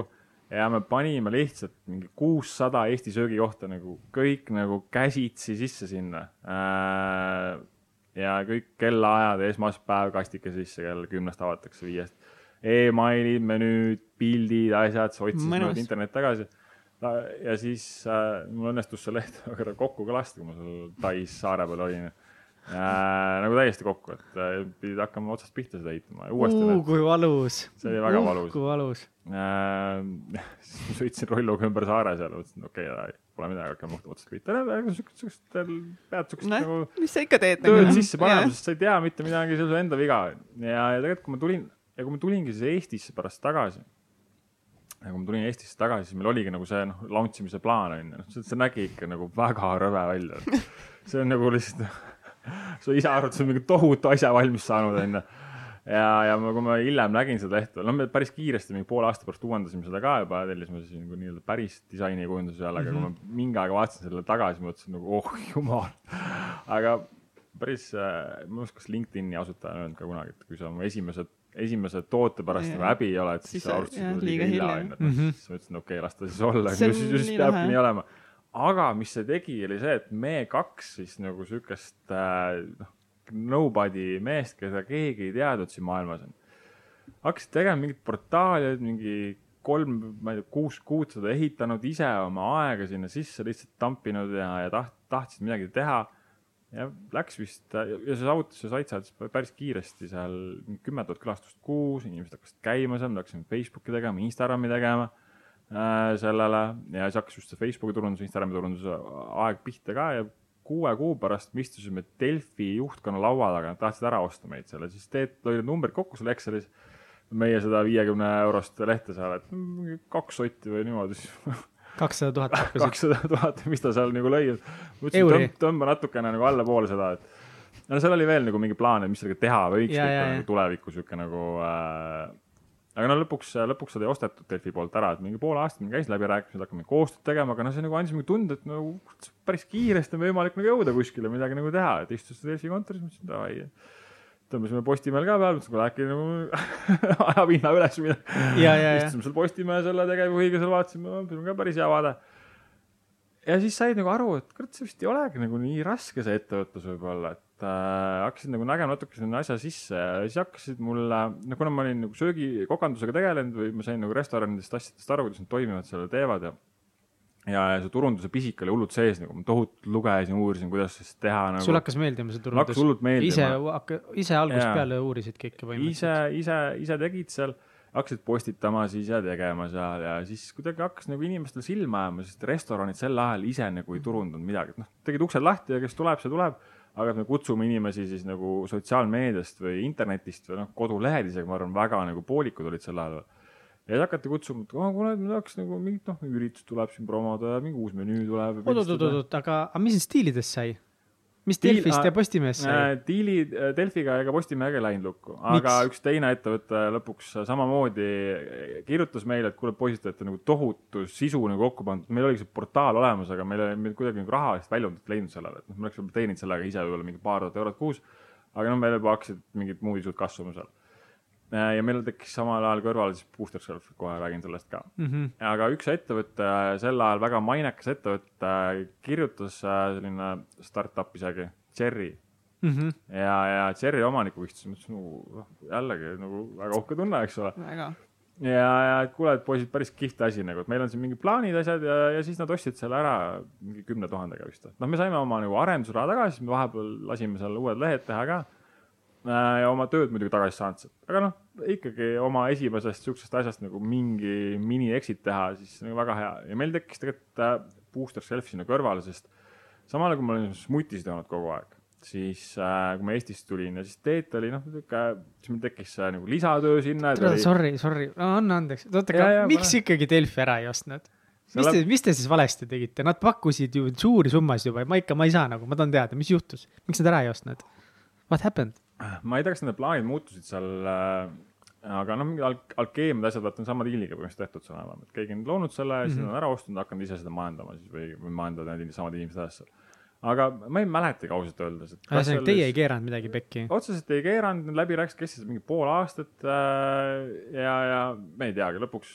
aga olid pettunud ka nagu, et te olite vaeva näinud selle diili nimel ja mingi hetk nagu noh, need rahadollarid jooksid silme ees ikka ilmselt korralikult. ma arvan, et see oli nagu sihuke asi, mis ma mõtlesin nagu oh, juba äge, aga et sa ei suutnud sisimas uskuda, et see nagu reaalne on, et noh, muidugi need mingi startup'i lugusid on igasugused olnud, aga noh, me reaalselt ei olnud ju mingi, mingi nagu raha teeniv ettevõte, et aga noh, mine sa tea, on ju, et selles suhtes, et, äh, et, et jaa, et eks ta mingit nagu pani korra põlema küll selles suhtes, et ei saa, ei saa öelda olgu, no selge, sorry, nii okei okay,, sa hakkasid rääkima, et kuidas tekkis Booster Selfie idee? tegelikult Teet oli samal ajal siis äh, Eesti ühes suures ettevõttes müügijuht, noh, lapsed, esimene laps oli tal ja, siis tekkis see lisatöö sinna juurde veel ja noh, hästi palju kohvi kogu aeg, sihuke väsinud ja nagu mingid tal ei olnud mingeid terviseprobleeme ja siis mõtlesin, kuule proovi ka nagu sa mutisid seal, et nagu neid supertoite asju, et nagu päris äh, nagu heaks teeb ennast tunda. ja siis ta nagu vaatas seda, kuus kuud läks mul aega, et ta nagu lõpuks helistas, kuule, et Sven, et ma olen nüüd siin poes, ma ei, mis ma ostnud pean, mis ma sisse panen sinna onju ja siis, kui ta tuli mul mingi aeg Saaremaale külla, siis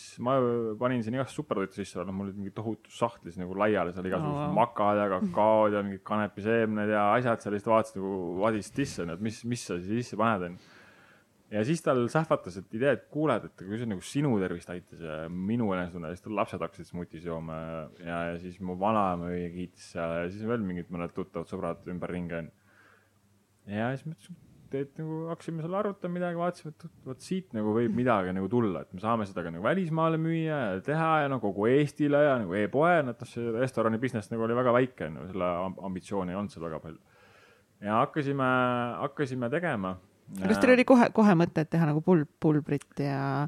jah, sest me mingit smuutikioskit nagu ei, ei plaaninudki tegelikult teha, onju, et just see superfoodi oma, et, et me nägime, ma olin Austraalias ka näinud siis mingeid selliseid edulugusid, kes olid, noh, Austraalia oli äh, selles suhtes nagu päris äh, hea näide enda igasuguste selliste elustiili brändidega, et nad teevad nagu väga hästi. Ma olin seal nagu näinud neid poodides asjades, et, et siuksed nagu tooted on olemas, Eestis oli superfood selles väga ikkagi nagu vähetuntud asi veel ja, ja hakkasime siis, panime oma koduka püsti jällegi ise, et noh, saime nüüd sellest Elevenist olime saanud nagu päris tugeva põhja seal, et äh, kuidas nagu teha seal. ja, ja samal ajal tegelikult äh, ma tegin veel ühele sõbrale või paarile tuttavale sotsiaalmeediat ka veel, ma sain natuke nagu lisaraha sealt, et äh, oli see alguses mingi kakssada eurot kuus ja siis natukene kuskilt veel mingi neli sotti, aga et see hoidis mind natuke nagu siis pinnal, et ma sain nagu sealt raha siis noh, oma asjaga alustades, me olime sinna oma raha tampinud Elevenisse natuke saime tagasi ja Booster Shelfi meil oli reaalselt vist mingi natuke alla kolme tuhande euro vist, et seda asja alustada. Tel-, tellisime sealt äh, paar kotti superfood'e ja lasime oma pakendid printida, esimesed mingi kakssada.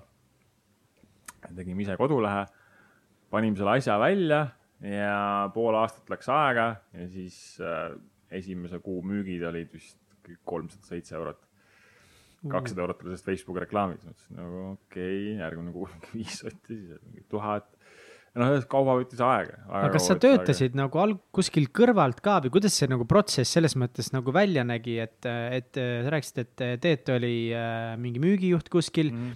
aga, aga mis sina tegid, et kuidas sinu päevad nagu välja nägid, kas sa Soomest tulid rahad, Austraaliast tulid rahad? ma tulin äh, Austraaliast ja mul oli äh,, jah, ma olin seal kogunud kapitali, et, et äh, mul oli sihuke natukene raha kuskil sihuke aasta jagu või, et ma saan, sealt said veel mingid pensionirahad tagasi ja noh, vot ma ütlesingi, ma kogusin reaalselt raha seal selle mhm. jaoks mm -hmm., et mul oligi plaan, et kui ma tulen Eestisse tagasi, siis ma ei lähe tööle enam mm. -hmm siis ma ütlesin, mul oli oma CV pärast piinlik, et kus ma selle nagu annan, et ma pean minema uuesti tagasi ja siis tegema seda tööd, mida ma ei taha teha tegelikult ja ma ütlesin mm, -hmm. see tegi mind -hmm. õnnetuks, sest äh, ja, ja ja siis ma hakkasingi otsima, et see, see turunduse või sotsiaalmeedia tegemine avas mulle mingid võimalused, et, äh, et siis ma hakkasin natuke sihukest nagu vabakutselise elu elama, et noh, käisin kuskil pildistamas mingit menüüd, teenisin sealt natukene raha, tegin sotsiaalmeediat kellelegi, siis sealt saaks vaadata, oh, et ma võin siit tellida mingi kakssada eurot mm -hmm. kuus, eks ole, nende mõne postitusest, siit nelisada eurot on ju, sealt natuke veel ja siis äh, sellega sain äh, hakkama ja noh, kas oma ettevõtte käivitamine võtab ju päris kaua aega tegelikult, et noh, esimesed aasta aega sa võid nagu täiesti ära unustada, et sa üldse midagi saad. hea, kui sa seal paari aasta pärast saama hakkad, et, et siin oleks. nii et sa pea, peaasjalikult ikkagi, kui te booster selfie'ga nagu päriselt hakkasite päris ettevalmistusi tegema, et siis ikkagi pühendusid ainult nagu põhimõtteliselt äh, booster selfie tegemisele? ma pühendusin ainult sada protsenti sellele, Teet käis samal ajal veel tööl ja siis meil oli Eleven, booster self, Teet käis veel tööl ja siis tal ka mingi aeg ülemus ütles, et kuule, et nagu vaatan, et sa hakkad igal pool ajalehtedes räägitakse sinust mingeid muid lugusid, et nüüd vist on aeg, et äh, paneme selle et, et äh, sul on aega oma teed minna seal, et äh, mis iseenesest, ega ta teadiski, et see juhtub seal mm. -hmm. ja siis me saime teha, aga noh, mis oli nagu mul oli selles suhtes lihtsam, mul ei olnud äh, ei kaaslast ega pere ega lapsi, keda, millest me peame vastutama. Teedul oli laps ja naine ka eks lap, naine, laps jäid kodus, eks ole, ja sul on korteriüüri vaja maksta kuussada eurot kuus on mm. -hmm. sul võeti firma auto ära, sul võeti firma telefon ära, kõik asjad võeti ära järsku ja sul on nagu noh, selles suhtes see on keeruline, see pani vastutuse ka minu õlul, et ma pean nagu andma endast maksimumi ja see periood, mis sealt nagu järgnes, oli lihtsalt nagu rõve töö. ühetoalises korteris, mul oli arvutilaud nurgas, mille ma ise ehitasin, siis mul oli diivan, siis mul oli voodi ja hommikul ärkasin ülesse äh,, istusin arvuti taha, tegin tööd ja õhtul vaatasin ühe natukene mingi pool tundi telekat, et sellest tööst maha rahuneda. siis magama kell kaksteist, hommikul kuuest üles uuesti, see kestis kaks aastat see ring niimoodi. et ma üldse kuskile jõuaks või midagi hakkaks üldse wow. tekkima kuskil aga kas teil oli kohe algusest peale mingi kindel visioon, et nagu see on see, me tahame jõuda siia, et nüüd on nagu, see on nüüd see, kuhu me paneme nagu kogu oma energia? ja meil oli, noh, kui me selle, selles suhtes meie ambitsioonid muidugi, me ei saanud üldse aru, mis nagu, noh, mis on nagu võiks sul eesmärgid olla, tohutu äriplaanid tegime äh,. EAS-i toetust meil äh, oleks saanud või noh, selles oli, oli võimalus, viisteist tuhat eurot, väga korralik summa, davai, teed on äh, Exceli poiss ka, tegi kõik asjad, värgid, särgid, siis oli kolmanda aasta tulem, et noh kolmas aasta nõue, et see peab olema sul kaheksakümmend tuhat käive, siis mõtlesin, kurat, nagu see tundub nagu väga ulme, et noh, kas me nagu tõesti teeme, noh, kui me ei tee kaheksakümmend tuhat, me peame see viisteist tuhat tagasi maksma, et see on nagu suur vastutus. no lõpuks me ei saanudki seda toetust võtta, sellepärast et noh, nad ei tunnistanud äh, turunduskulusid Facebooki, Google'it ja sellist asja, et noh, sa võid mingi väliplakateid teha, maksta ise ära viis tuhat eurot ja siis nad maksavad tagasi sulle. ja tootmises mm -hmm. meil polnud ka vaja midagi.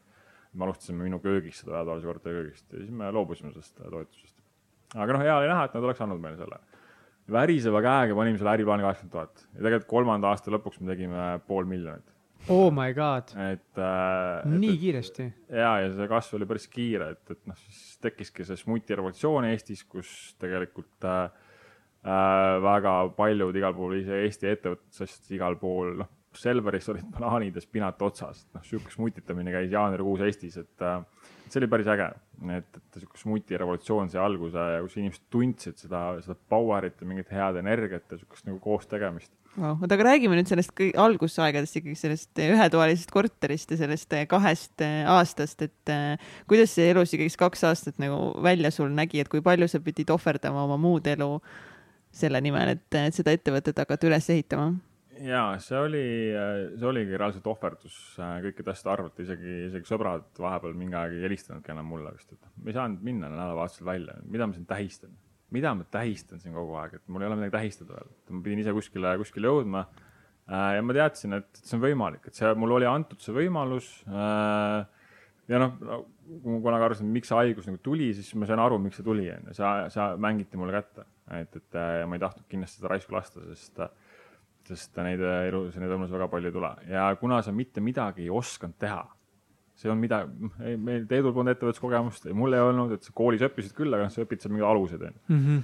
ja, ja sa peadki arvestama sellega, et, et sa selle homme hommikul sa selle eilse tööst võid pool prügikasti visata, sest äh, tõenäoliselt homme tead paremini midagi ja sa pead uuesti üle tegema, noh sisuliselt enam-vähem niimoodi see käis seal ja, ja ise õppida kogu seda turundust ja kodulehtede tegemist ja kuidas oma toodet müüa ja teha ja, ja see pani nagu väga süvitsi sinna asja sisse vastu vaatama. ja, ja no õnneks, et mul oli teed kõrvale seal, kellega koos siis seda teha mm, -hmm. et noh, mhm. üksi võiks see nagu palju-palju raskem olla, et sa saad siis ikkagi põrgatada mingeid ideid, asju ja kaks pead on ikka kaks pead ja seal tekib siis veel omakorda mingid, mingid asjad seal vahel. ja ja et me koos niimoodi sattusime üldse nagu sinna kooli samal ajal, me oleme viis aastat mm -hmm. pärast siis keskkooli lõpetamist kaugõppesse. Äh, et, et äh, see kindlasti ka kuskilt keegi ilmselt vist juhatas selle minu teele.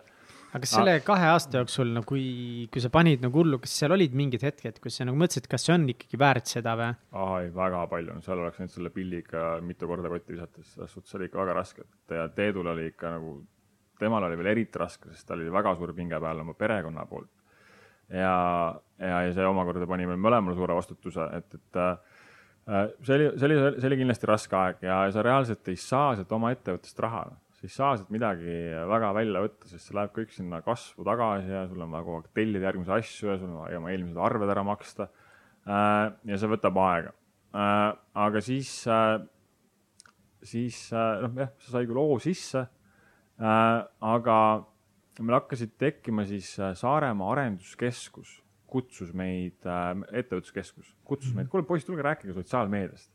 et äh, kuidas te teete seal Facebooki, Instagrami, eks ole, onju, siis ma ütlesin nagu, mis me siin räägime, noh, me pole veel midagi siin väga teinud, onju, aga no need olid uued kanalid mm -hmm. Eesti ettevõtete jaoks ja siis tegime seal tasuta koolituse, panime kolmetunnise asja kokku seal äh, jälle nii-öelda iseenda. lihtsalt iseenda kogemuse ise põhjal. Enda ajast ja enda kogemust, siis vaatasime, et kurat, nagu päris väärtuslik materjal tuli tegelikult. ja, ja siis äh, noh, samal ajal teenisin tegelikult siis seda kõrvalt ka siis teiste mingite sotsiaalmeedia asjadega, et see kogemus nagu tekkis juba natukene, paari aasta jagu kindlasti seal juba oli natukene seda all. Äh, ja siis hakkasime, ütlesime, et kuule, aga muidugi avalik esinemine, see on nagu, noh, see nõuab ikka retsi eneseületust. see, see on ikka väga raske. aga teeme siis Tallinnas nagu, paneme kokku mingi kodulehe ja paneme koolituse püsti, et vaatame, mis tuleb. no me panime kogu oma hinge sinna sisse koolitusse, et äh, ja esimese, esimese grupi müüsimegi enam vist kümme inimest või üheksa inimest. aga miks te tegite seda, kas ainult nagu raha pärast te nägite, et sealt teeniks või, või mis see põhjus oli? me esiteks tegime seda sellepärast, et äh, et meid, me nägime, et see on päris väärtuslik, et teistpidi ka raha pärast, sest meil oli vaja teenida samal ajal, et oma ettevõtet kasvatada, onju. aga kui me hakkasime koolitust tegema, tegema, siis nagu see nagu mingi power ja energia, mis sa nagu said sellest nagu rääkimisest või teiste mm. aitamisest, tegemisest, see on nagu sütitas endas mingi, mingi järgmise asja mm. ja, ja see oli nagu nii võimas ja sa oled nagu, noh, sa oled oma ettevõtet teinud seal kodus oma arvuti taga, eks ole, eks tuled korra välja, saad teistega arutada ja, ja, ja see väärtus oli kindlasti mitmekordne, mis me suutsime pakkuda. Ja siis hakkas vaikselt sealt äh, tegelikult see asi äh, arenema ja, ja see koolitust kogu aeg lihvisime paremaks ja paremaks ja paremaks ja paremaks. Nõnda juba siis kolm aastat või neli aastat. Mm.. mul on äh, kaks küsimust veel selle, just selle kahe aasta kohta. just mõtlen, no üks, ma tahaks uurida just sinu eneseareng tõmmata nagu lahku just nii-öelda selle professionaalse arenguga, mida sa pidid mm. tegema, et ehitada. aga võib-olla enne seda, kui natukese rääkida sellest, siis kuida-, kuidas saada hakkama, kas sul on mingeid häid ideid või nippe omaenda kogemuse kõrval, et, et kui teil olid need väga rasked hetked, äh, Teedu pere mm, -hmm. finantsilised äh, kulud hakkavad kasvama, eks ole, sissetulekud veel ei tule, et kuidas te lahendasite need pingelised olukorrad niimoodi, et et teie suhe professionaalselt ja ka nagu eraviisiliselt liiga ei kannataks, et kuidas te selle pingega emotsionaalselt hakkama saite? Ma ütlen, meil on nagu hämmastavalt hea klapp olnud, et me oleme tülitsenud ainult paar korda. Ja see on ainult, see on olnud ka siis mingite, ma ei tea, mingi mõttetute, mingi blogipostituste pealt, kuidas ta peaks kirjutama või mis ta olema peaks, sest noh, Teet on sihuke, et nagu davai, teeme ära ma olen sihuke hästi detailne, kes tahaks siis seal midagi teha veel nagu oma nägemusega seal surun.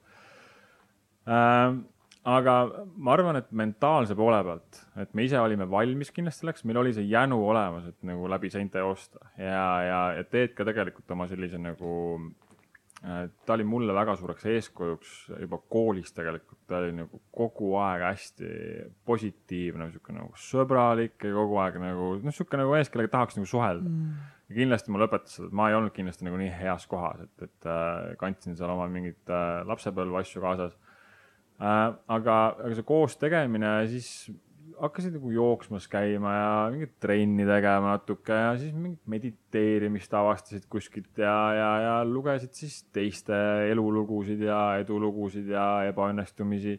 ja sealt sa leidsid kogu aeg siukest nagu väikeste killukeste kaupa mingit tugevust või, või mm. jõudu, inspiratsiooni, et, et edasi minna ja, ja äh, võtta endale see väike paus, läksin ma ei olnud füüsiliselt kunagi, ma pole siiamaani tugev, aga ma olin nagu täiesti kleenuk ja täiesti kõrsik ja, ja siis. no äh,, no ja, ja dissid, noh. aga, aga ma, kui ma Austraaliasse läksin, ma jaksasin teha vist mingi kuus kätekõverdust, no üsna nagu piinlik oli see kahekümne viie aastaselt äh,. mis sa seal viis aastat ehitusel tegid siis? see on jah, see on teistmoodi jälle okay. aga aga pärast Austraaliat ma läksin Tai boksi trein-, Tai boksi laagrisse Tais, kuu aega olin seal, et see andis mingi, mingi aluse ja siis ma hakkasin, noh, Eestis mõtlesin, et hakkasin trenni tegema hakata, sa hakkasid teha ühe lõuatõmbe, noh mm -hmm.. ühe lõuatõmbe, aga noh, sa võidki seal alla anda, samamoodi nagu oma ettevõttega, et no ma ei jaksa teha rohkem ja, ja, ja ongi kogu lugu, onju. või sa lähed homme uuesti, teed jälle ühe teed kasvõi seitse korda selle ühe, siis kui sa jaksad lõpuks poolteist teha. siis ma käisin, tegin vist, võtsin omal challenge, et ma pean tegema äh, mul oli sihuke jooksuring ka, kätega see lõua tõmbamise koht ja jooksuring oli kilomeeter. ma ütlesin, suve lõpuks, maikuus alustasin seda juunikuus, ma pean tegema viiskümmend lõuatõmmet. mitte järjest, aga nii palju järjest, kui ma jaksan ja lasen jalad lahti, kukun maha, jooksen kilomeetri, teen uuesti ja ma jooksen siis nii palju lõpuks, kui on vaja joosta, et ma need viiskümmend ära teen siis ma jooksin seal mingi seitse ringi ja tegin ära need uh!. vaata siuksed nagu väiksed mingid mini challenge'id annavad sulle endale, et noh, kas see on kümme lehekülge lugemist mm. päevas. Kas see on sul, ma ei tea, mingi vee joomine päevas, kas see on sul kümme tuhat sammu kellelgi on päevas äh,, mis iganes asjad need on või mingid siuksed väiksed asjad ja need lubadused iseendale, mis sa lõpuks ära teed, kasvatavad nagu, tohutut enesekindlust nagu. hästi nagu äh, ohtlik tee ka selles mõttes, et kui ma oleks pannud endale mingi liiga suure siis challenge'i või mida ma ei, reaalselt ei jaksaks ära teha. ma teadsin, ma saan hakkama sellega, see võtab aega mul kolm kuud, fine, ma olen valmis selle aja investeerima sinna. Ja et sa pead seda lubadust iseendale ka, sest sa võid ükskõik kellele mingit äh, jama ajada, kui sa tahad. aga kui sa iseendale valetad, siis see on kõige hullem asi ja sellest sa ei saa ära põgeneda. ja Äh, ja seetõttu on ka oluline, et mis, mis iganes sa asjad vastu võtad, siis inimesed tahavad nagu hästi kiiresti kohe saavutada, me elame selles nagu instant maailmas, mis on ühtepidi nagu jube äge, me saame nagu ühe klikiga jõuda ja lugeda ükskõik mida ja müüa oma tooteid üle maailma. Jumala kihvt on, aga see on mind teistpidi ära helitanud tegelikult sellega, et me peaks kohe saavutama siis kõik, et seda ei juhtu tegelikult, see ei juhtu nädalaga, see ei juhtu kuu ajaga, see ei juhtu teinekord kolme aastaga ka. See võib võtta viis aastat aega, noh, kui me räägime näiteks ettevõtte tegemist üldse kuskile jõuaksid ja hakkaksid millestki üldse aru saama seal.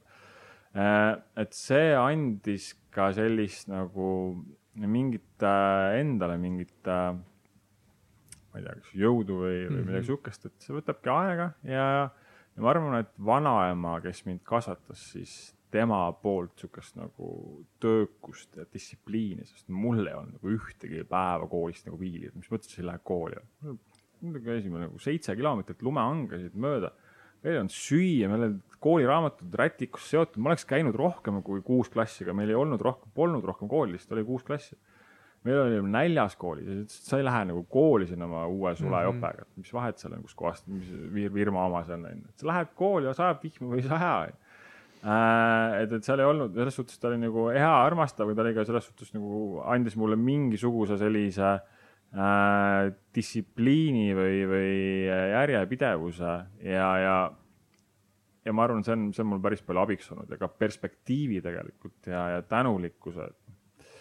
Üks lugu, mis mul äh, vanaemast on, on meeles ja mis on, nagu alati tuleb meelde, kui ma mingi suvalise asja peale vingun, on see, et noh, tänapäeval inimesed võivad lennata ükskõik kuhu, on ju, kolme tunni, kuue tunniga, kolme tunniga oled Saksamaal või isegi võib-olla võtab vähem aega kui sõda lõppes, äh, küüditamine, äh, sõda, vanaema küüditati sõja ajal Saksamaale ja siis aasta-poolteist hiljem lasti need sealt vabaks.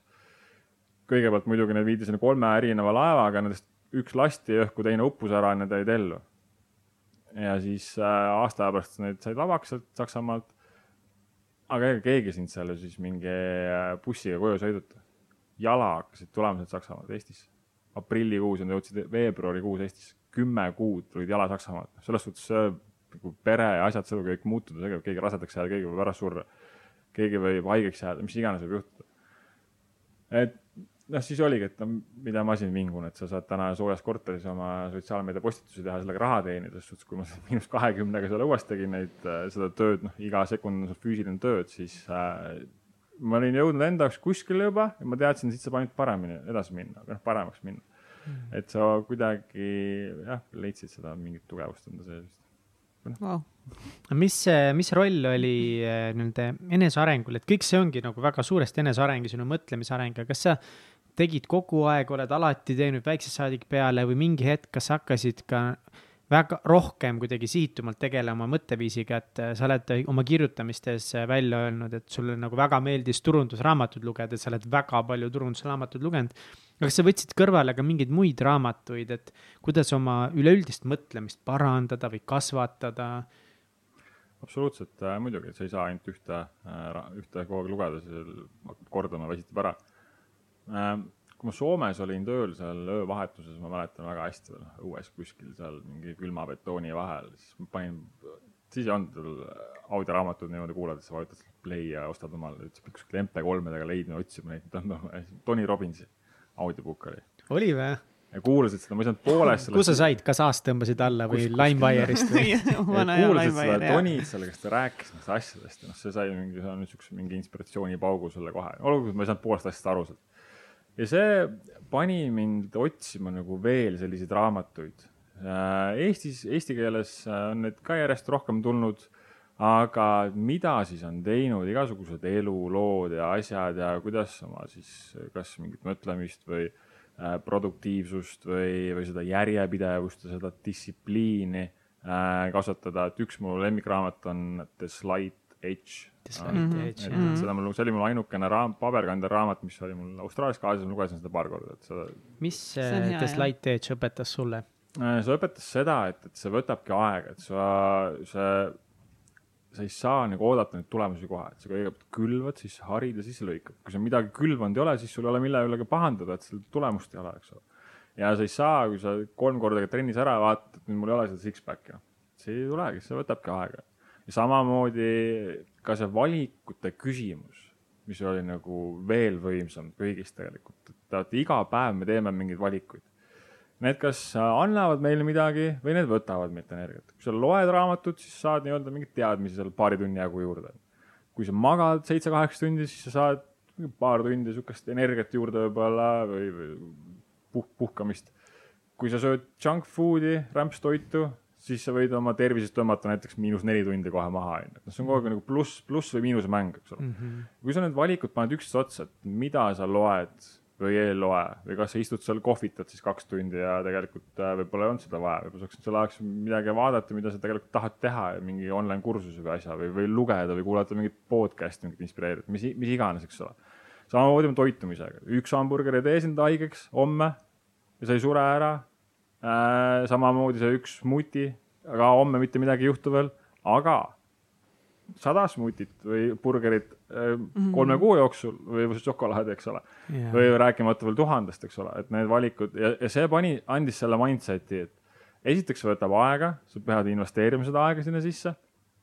ja, ja, ja, ja samamoodi ka vanaema poolt tuli sedasama asja kaasa tegelikult. Et sa pead äh, kõik, kõik midagi ei tule lihtsalt siin. Jah. minu jaoks Slight Edge'i raamatus, noh, Mm. suht sarnased mõtted, aga just see arusaamine, et elus ei ole paigalseisu mm.. Minu jaoks kõige nagu valusam või hirmuäratavam oli sellest raamatust nagu aru saada see, et elus ei ole paigalseisu. kõik elus kas kasvab mm. -hmm. või kahaneb. areng või taandareng. ja, jah, ja, ja, ja ongi, et sa ei, et kui sa täna ei kasva, siis äh, sulle võib tunduda, et sa oled paigal ja kõik on nagu fine, tegelikult sa kahaned. sa täna ei tunne seda, homme sa tunned. Ja mõni päev ongi, et see, et kui sul nüüd mõni päev sa kahaned, teine päev sa kasvad rohkem, on nagu okei. Okay,, aga see illusioon, et paigalseis on paigalseis, on kõige kõige nagu ohtlikum. mis need eneseabi, ei teagi, ma ei ma tahaks nagu eneseabiks nimetada neid raamatuid, need on nagu natukene nagu. sõna on Sõna ära rikutud. see on nagu ära rikutud, aga, aga need raamatud. Enesearenguraamatud. enesearenguraamatud, need annavad sulle tegelikult tohutult palju ja sul ongi vaja seda inspiratsiooni või neid nõuandeid, tegelikult teinekord see viis lehekülge võib anda sulle nagu mingi väga hea idee või seda, seda, mis sul puudu just jäi ja, ja neid väga alahinnatakse, ma arvan, et äh, minu arust sa ütlesid nagu nii õigesti seda ja mi- mida ma tundsin just selle samas selle Soomes olles oligi see taandarengut. et ma reaalselt iga päev taandarenen ja ma ei tahtnud nagu olla seal ma hakkasin kartma selle oma tuleviku ees, reaalselt tekkis hirm nagu, et, et äh, ma jäängi siia ja ma ei saagi siit mitte kunagi välja.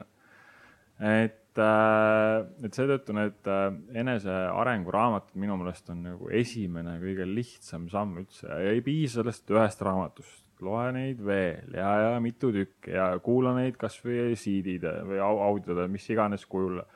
ja käia veel äh, mingitel üritustel, et äh, Charlene kinkis mulle te,, tema nagu king, kingituste tegemise oskus on täiesti hämmastav muidugi, et äh, kinkis mulle, noh, tüdruk võiks kinkida mingit, mingi balletipileti, kus ta ise tahaks minna, eks ole, jube tore kingitus, eks ole Mm -hmm. ükski mees sellest ei unista tegelikult, eks ole mm, -hmm. aga ta kinkis mulle oma, oma viimaste rahakokkukraapidest Tony Robbinsi pileti, mis maksis siis tuhat äh, eurot.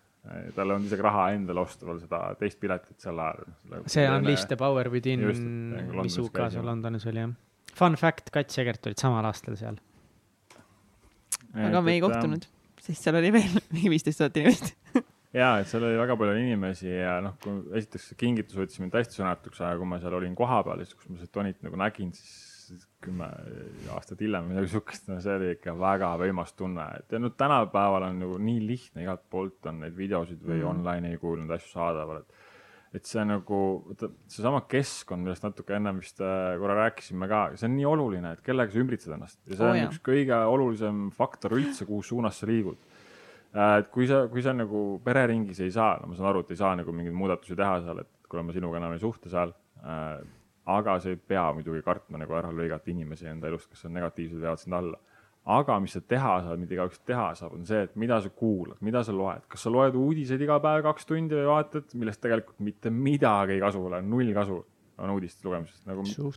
sest nende ainuke mudel on see, et äh, toota seda draamat, mis teenib endale raha et äh, investeerida see aeg parem nendesse asjadesse, mis tegelikult annavad sulle midagi ja sa võid kindel olla, et su maailm muutub palju positiivsemaks, aga ei ole seda draamat ümberringi nii palju mm. -hmm. et, et äh, ja see annab sulle ka mingit sisemise rahu oma asjaga tegeleda, et, et äh, ma ei ole viimased, ma arvan, seitse-kaheksa aastat ühtegi uudist lugenud. ja ma ei ole puudust tundnud ka sellest. väga ei saa öelda, et tuleb mingi hetk, kus kõik vastu mingi, mis asja, kuidas sa selle uudist, et nagu me just tahame nüüd rääkida sinuga just sellest konkreetsest. no mingid üksikud asjad jah, muidugi on, eks ole. no jaa, aga overall see on nagu uh,. aga, aga, aga üldiselt, et noh, inimesed äh, väga palju aega kulutavad sellele, noh, teine asi meelelahutus on ju, mida meil samamoodi igal pool ümberringi on. kui sa nagu oled rahul oma eluga, fine, siis ei ole nagu, kui sa oled mm -hmm. kõigega rahul oma finantsilise seisuga, oma suhte, oma keha, oma toitumise, oma energiaga, oma, ma ei tea, lastega, mis iganes su elus on, oma majaga siis nagu kõik on hästi selles suhtes, et sa ei pea nagu, sa ei pea kuulama seda podcast'i ka praegu, sa võid kinni panna. aga kui yeah., kui sa nagu ei ole rahul, siis kui palju nagu võimalusi on täna elus nagu teha siis või, või nagu liikuda see sammhaaval siis selle poole või kuulata. millega sa täna rahul ei ole ähm,? ma ütleks, et ma olen äh,, ma olen rahul, ma olen tänulik iga päev ja tänulikkus, ma arvan, üks väga oluline asi, mida, mis on ka sihuke harjutus, mida peaks tegema igaüks, sest sa võid äh, võrreldes oma viieaastase tagusega, ma olen nagu väga rahul ja väga tänulik. aga kui ma vaatan nagu järgmise kolme-viie aasta jooksul, ma tahan jõuda, siis loomulikult ma ei ole nagu rahul, noh, selles suhtes, et ma vaatan, et ma tahan ikkagi rohkem järgmisi asju saavutada ja teha.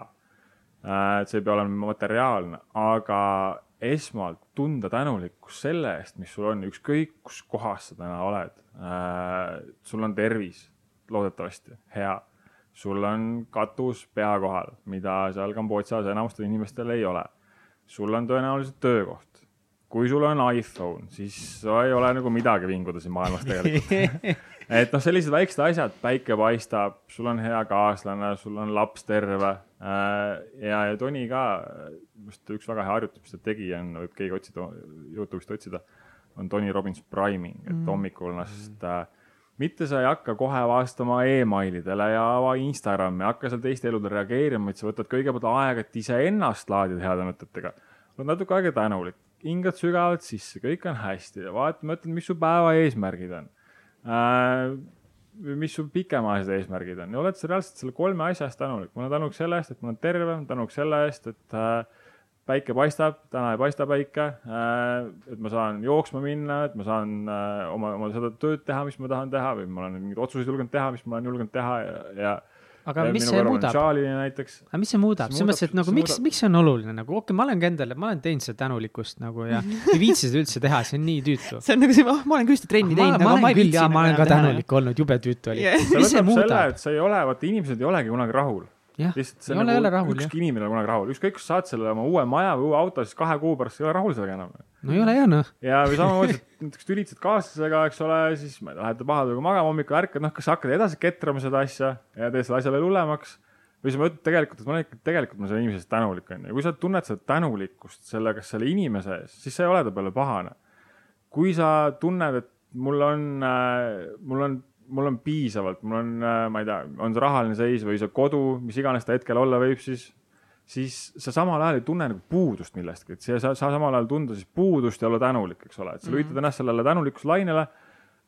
ja see annab sulle päevale ilusama noodi, sest noh, kui sa sihuke rahulolematusega ärkad, onju, siis paned Instagrami sinna veel peale, onju, ja hakkad vaatama, mis teistel on kõik jube hästi seal kogu aeg, eks ole et, et kindlasti ma ei soovita esimesel tunnil kohe Instagrami avada või sotsiaalmeediat või emaili, ja just siis Delfi otsa nagu. ja siis Eesti otsa ja kõik kuradi kogu maailm lendab õhku ja siis tegelikult äh, lähed sinna Iisraeli, siis ei ole midagi häda, kõik on väga äge.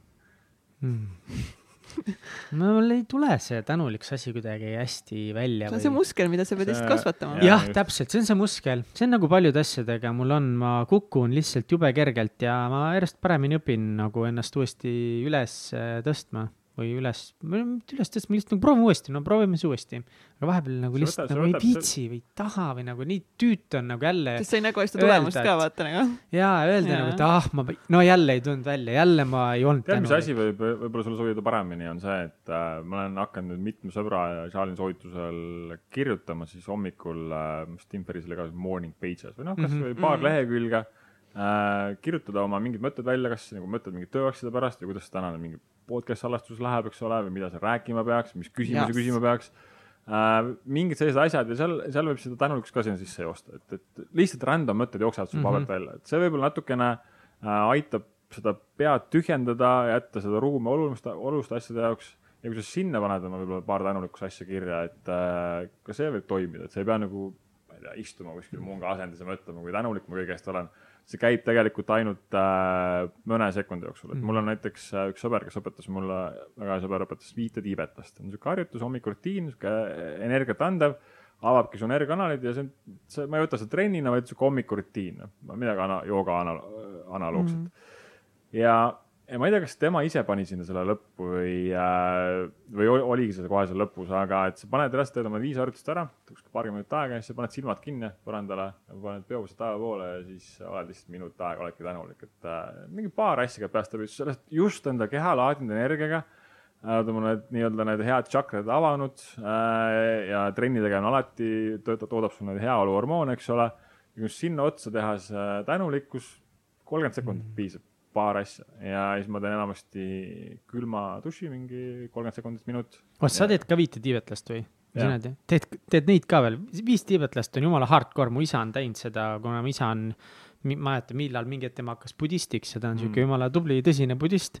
siis ta teeb seda viite tiibetlast ja see on lihtsalt mingi, mis seal on, sa pead keerlema mingi viiskümmend korda üle telje või kakskümmend? üks korda. okei, kakskümmend üks korda no,. aga ta on äh,. kummardama on ju püsti, lähed maha, kõhuli käed ette nagu..., püsti jälle, mis Jah., see on ikka jumala, see on väga füüsiline. algusest on raske, aga tegelikult on- nagu sa noh, pole teinud seda, siis on Mm. iga asi on alguses raske, et, et sa võid alustada seal väiksemate kordustega ka, et ma hakkasin tegema seitsme kaupa, aga ma olen ka seda paar aastat teinud. Ma hommikuti, mul on nüüd äh, viimase kolme kuuga nagu eriti tugevalt äh, sisse kodeerinud endale selle, et noh, ma siis mõtlen küll harjumust, teen natuke aega, nädal aega, siis jälle ei tee ja siis mingi päeva vahele, siis nädala, kaks nädalat vahele, siis äh, aasta vahepeal vahele jäänud aga äh, mul ka, et ma pean ise en-, võtma selle aja, et trenni teha ja liigutada. ega ma ka nagu oma aja suhtes, ma olen ikka täielik pervert tegelikult, mida ma sinna panen ja ei pane. ja, ja, ja mul oli see, et kas ma lähen siis trenni või ei lähe, onju, samas sa nagu täiesti juba nagu kokku jooksnud selle arvuti taga vahepeal, sa pead mingi pausi võtma ja kui sa istud kogu aeg, siis noh, muidugi sul hakkab rüht ära vajuma, eks ole, et ma pean võtma selle aja. nüüd mul on viimased kolm kuud on, viimase kolme kuuga see on nii sisse jäänud, et ma isegi ei küsi endalt seda küsimust täna hommikul, kas ma teen trenni või ei tee, ma lihtsalt teen. esimese asjana pärast ärkamist teen kohe trenni. ja, ja seda hommikust trenni ma isegi ei võta nagu trennina alati mm. Mhm. -hmm. kui see on viis tiibetlast, siis ta on niisugune nagu hea rutiin, mis Mm. äratab su keha üles ja siis tegelikult pärast seda tuleb mingi trenni, kas mingi kohe jooksu või- pärast ärkamist teed trenni, jah? kohe pärast ärkamist ja, et, et äh, kui ma Mm. ärkan praegu, ma olen äh, kaks kuud teinud järjest äh, Five M Challenge'it, siis ehk siis kell viis hommikul ärkate, kas Charlie ärkab ka nüüd kell viis? äh,. no kuna meil on siin keerulisemaid aegu olnud, siis äh, septembris ta tegi väga ilusti seda Mhm. mm. äh, ja see hoidis teda, hoidis teda järje peal, aga, aga nüüd jälle, noh. aga miks, miks, miks teie olete selles kell viis ärkamise klubis, mis on väga populaarne klubi igal pool, järjest Ähm, näen? mulle meeldib see nagu aeg, aeg võtta hommikul, et mul on vaja ka häälestada selleks, et nagu ma oleks nagu normaalne inimene, produktiivne inimene, mu aju töötaks õigel lainel ja et ma ei ütleks kellelegi halvasti ja, ja mis sõimaks seal liikluses mingeid mõttetuid autojuhte, kes nagunii ei kuule mind ja noh, kogu see osa siin juurde selleks sul ongi vaja mediteerida, selleks ongi sul vaja trenni teha, et enda tervise eest hoolitseda, selleks ongi vaja võib-olla kirjutada hommikul mingeid asju seal endast välja, et sa ei lähe nendega siis oma uksest välja ja lahmi need kellelegi näkku seal.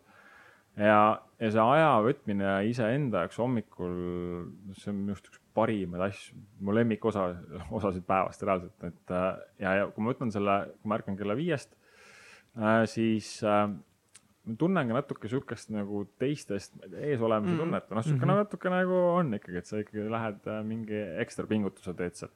ja kui äh, kell, mul läheb kuskil isegi, ma arvan, mingi sihuke poole seitsme, seitsmeni, et vahest ma seitsmest istun alt ja vahest juba varem olen päevast. ja siis mul on juba nii palju asju tehtud, ma olen juba mõtelnud mingeid asju, mingeid, mingeid plaane, mida ma tahaks võib-olla kas mingi sügisel teha või järgmine aasta teha või mingid asjad, mis on kas nulliste jaoks kasulikud või booster shelf'i jaoks kasulikud äh, või, või Gracefiti jaoks kasulikud, mingid sellised asjad, vaata muidu kui sa ärkad, sa lähed kohe sinna reaktsiooni moodi, hakkad mm -hmm. kohe nagu reageerima, sul on emailid mm -hmm. peal, siis keegi helistab mm -hmm. taha või Slackis vilgub midagi mm. -hmm siis ei jõuagi seal millegagi tegeleda, rääkimata siis iseenda häälestamist onju, aga mul on vaja hommikul mõelda nendele asjadele ka, mis mõjutavad minu äri kuue kuu pärast onju. Äh, ja vot see on see aeg, kus ma saan siis võtta, kus ma saan kirjutada või teha ja ma lülitan kõik asjad välja ja siis keegi ei sega ka sind kas see hommikune rutiin on sul selles mõttes nagu järjekorras, et noh, ma ise päris five am klaavi ei tee, ma siin ärkan päris tihti viis viisteist ja vahepeal viis kolmkümmend, mm. mida me oleme nagu no see on, see on ikka väga vara, arvestades ajalugu on see ikka nagu väga vara. minu ajalugu, see on megavara, aga ma olen nagu läbi aastate järjest hakanudki vaikselt mhm. niimoodi mm -hmm. muudkui varem ja varem ärkama ja ma olen enne ka seda viie asja proovinud, aga siis kukkus kohe nagu kokku. ja nüüd aitas hullult kaasa see ka, et meil koer ärkas äh, päris pikalt mhm. viis nelikümmend viis iga hommik ülesse. ja, ja nüüd me proovime ärgata hommikuti, eks ole aga mul ei tule kuidagi see hommikukava nagu välja ja üks probleem, ma olen ka arvanud, et me alustame selle peale, et kõigepealt viime Jacki, pissitame ära väljas. teine teeb kohvi samal ajal, siis me joome kohvi mm. -hmm. aga nagu see, et me mõtlesime, joome kümme-viisteist minutit kohvi, ma olen tihti pannud tähele pannud, ma joon päris tihti pool tundi kohvi mm, -hmm. millest ma olen viisteist minutit on Facebookis, kohvitass käes. ja Jeniga mõlemad alguses me olime ülitublid nagu, joome koos kohvi ja see on see meie hetk koos mm. -hmm. miks me selle juurde tõime, oligi see, et tekitada rohkem neid hetki, kus me oleme üksteisega ja see ongi viisteist minti nagu mhm. me oleme seal, veits räägime päevast, mis saama hakkab.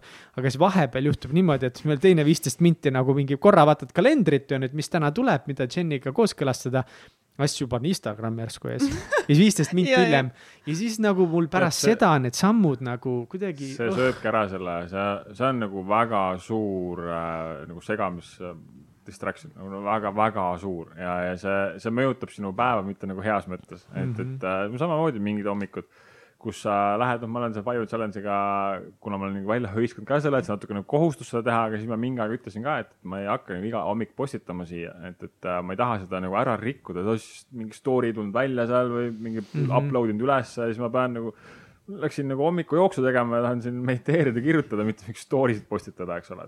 muidugi mulle meeldib teisi inspireerida, aga see on, see on nagu üks äh, esimesi asju tegelikult, mis üks, ükskõik mis kellast sa ärkad tegelikult, vahet ei ole. Võta alguses tund aega, et sa ei ava üldse ühtegi emaili, ei Instagrami, ei Facebooki, sa võtad selle aja endale, kas te olete koos, kas sa käid koeraga jalutamas, mõtled oma mõtteid, kas sa jalutad niisama üksi, ka väga hästi toimib, sa klaarid oma pead natuke, kas sa jooksed, kas sa teed kiire hommikuhõimluse, kas sa loed raamatut kümme lehekülge, teed oma päevaplaani, mis iganes see on. See on sinu aeg ära lase teistel sinna sisse sõita.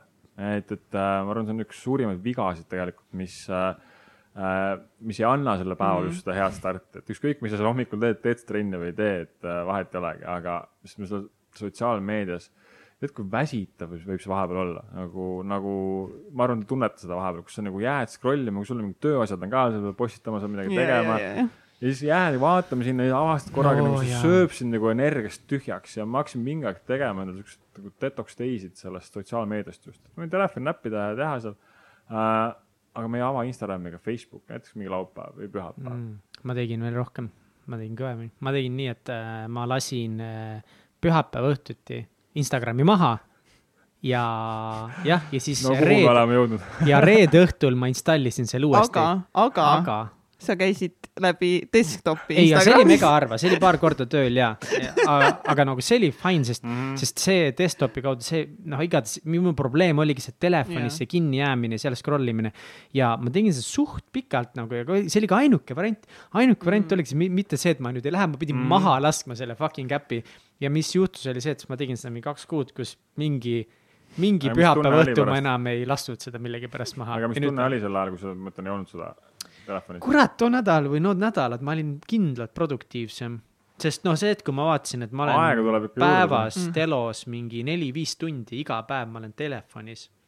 sul on, sa võid kogu aeg otsida, me olemegi inimestena, me otsime seda kiiret dopamiinlaksu, eks ole, keegi kirjutab emaili Jaa, saadab või Instagramis paneb like'i või kirjutab.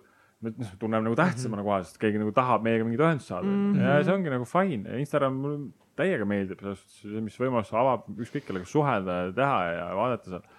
Ma sain aga, aru, et. aga seal on nagu väga õhk-õhuke nagu piir selle asjal, et, et äh, ma panin endale näiteks Instagramil on siuke asi nagu taimer, et sa saad panna Instagrami sees, ütleb sulle, et näed, sa oled kakskümmend viis minutit olnud täna Instagramis, et äh, viskab sulle mingi reminder'i nagu ette. Päriselt? mul on siuke asi peal, et siis ma tean, et Hmm. aa okei okay,, vahest on see hommikul, kui sa teed mingeid postitusi seal, siis saab juba päris kiiresti täis onju.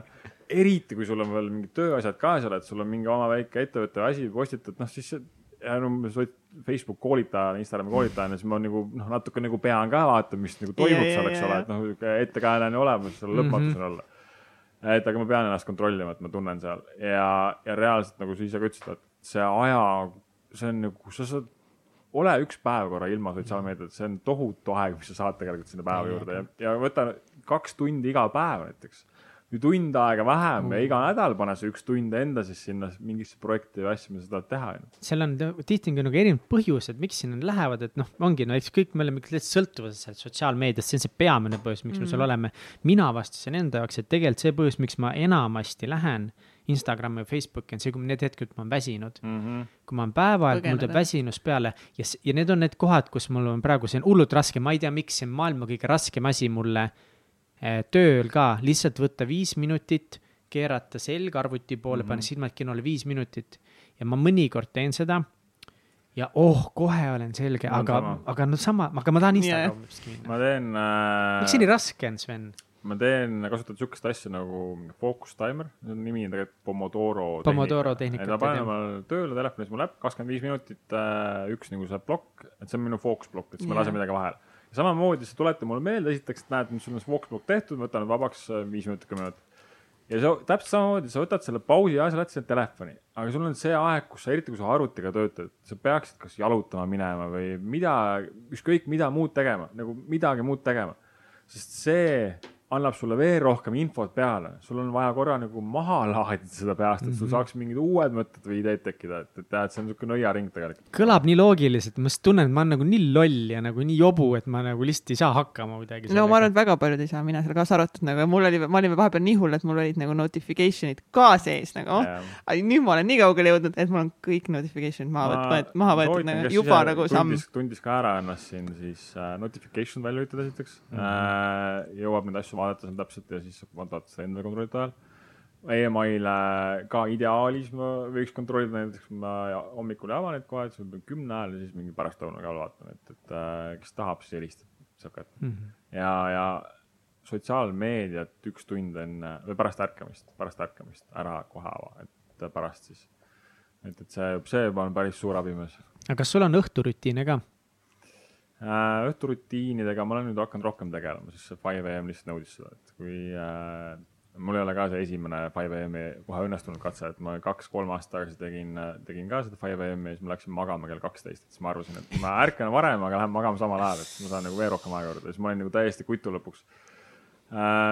ja see oli päris väsitav ja, ja siis, siis ma ka noh, ärkasin mingi kuue ajal, mis iganes või pool seitsme ajal nagu tavaliselt ja siis ma tegin seda veel mingi aeg kus tunned mingid perioodid, et sul on vaja distsiplineerida ennast.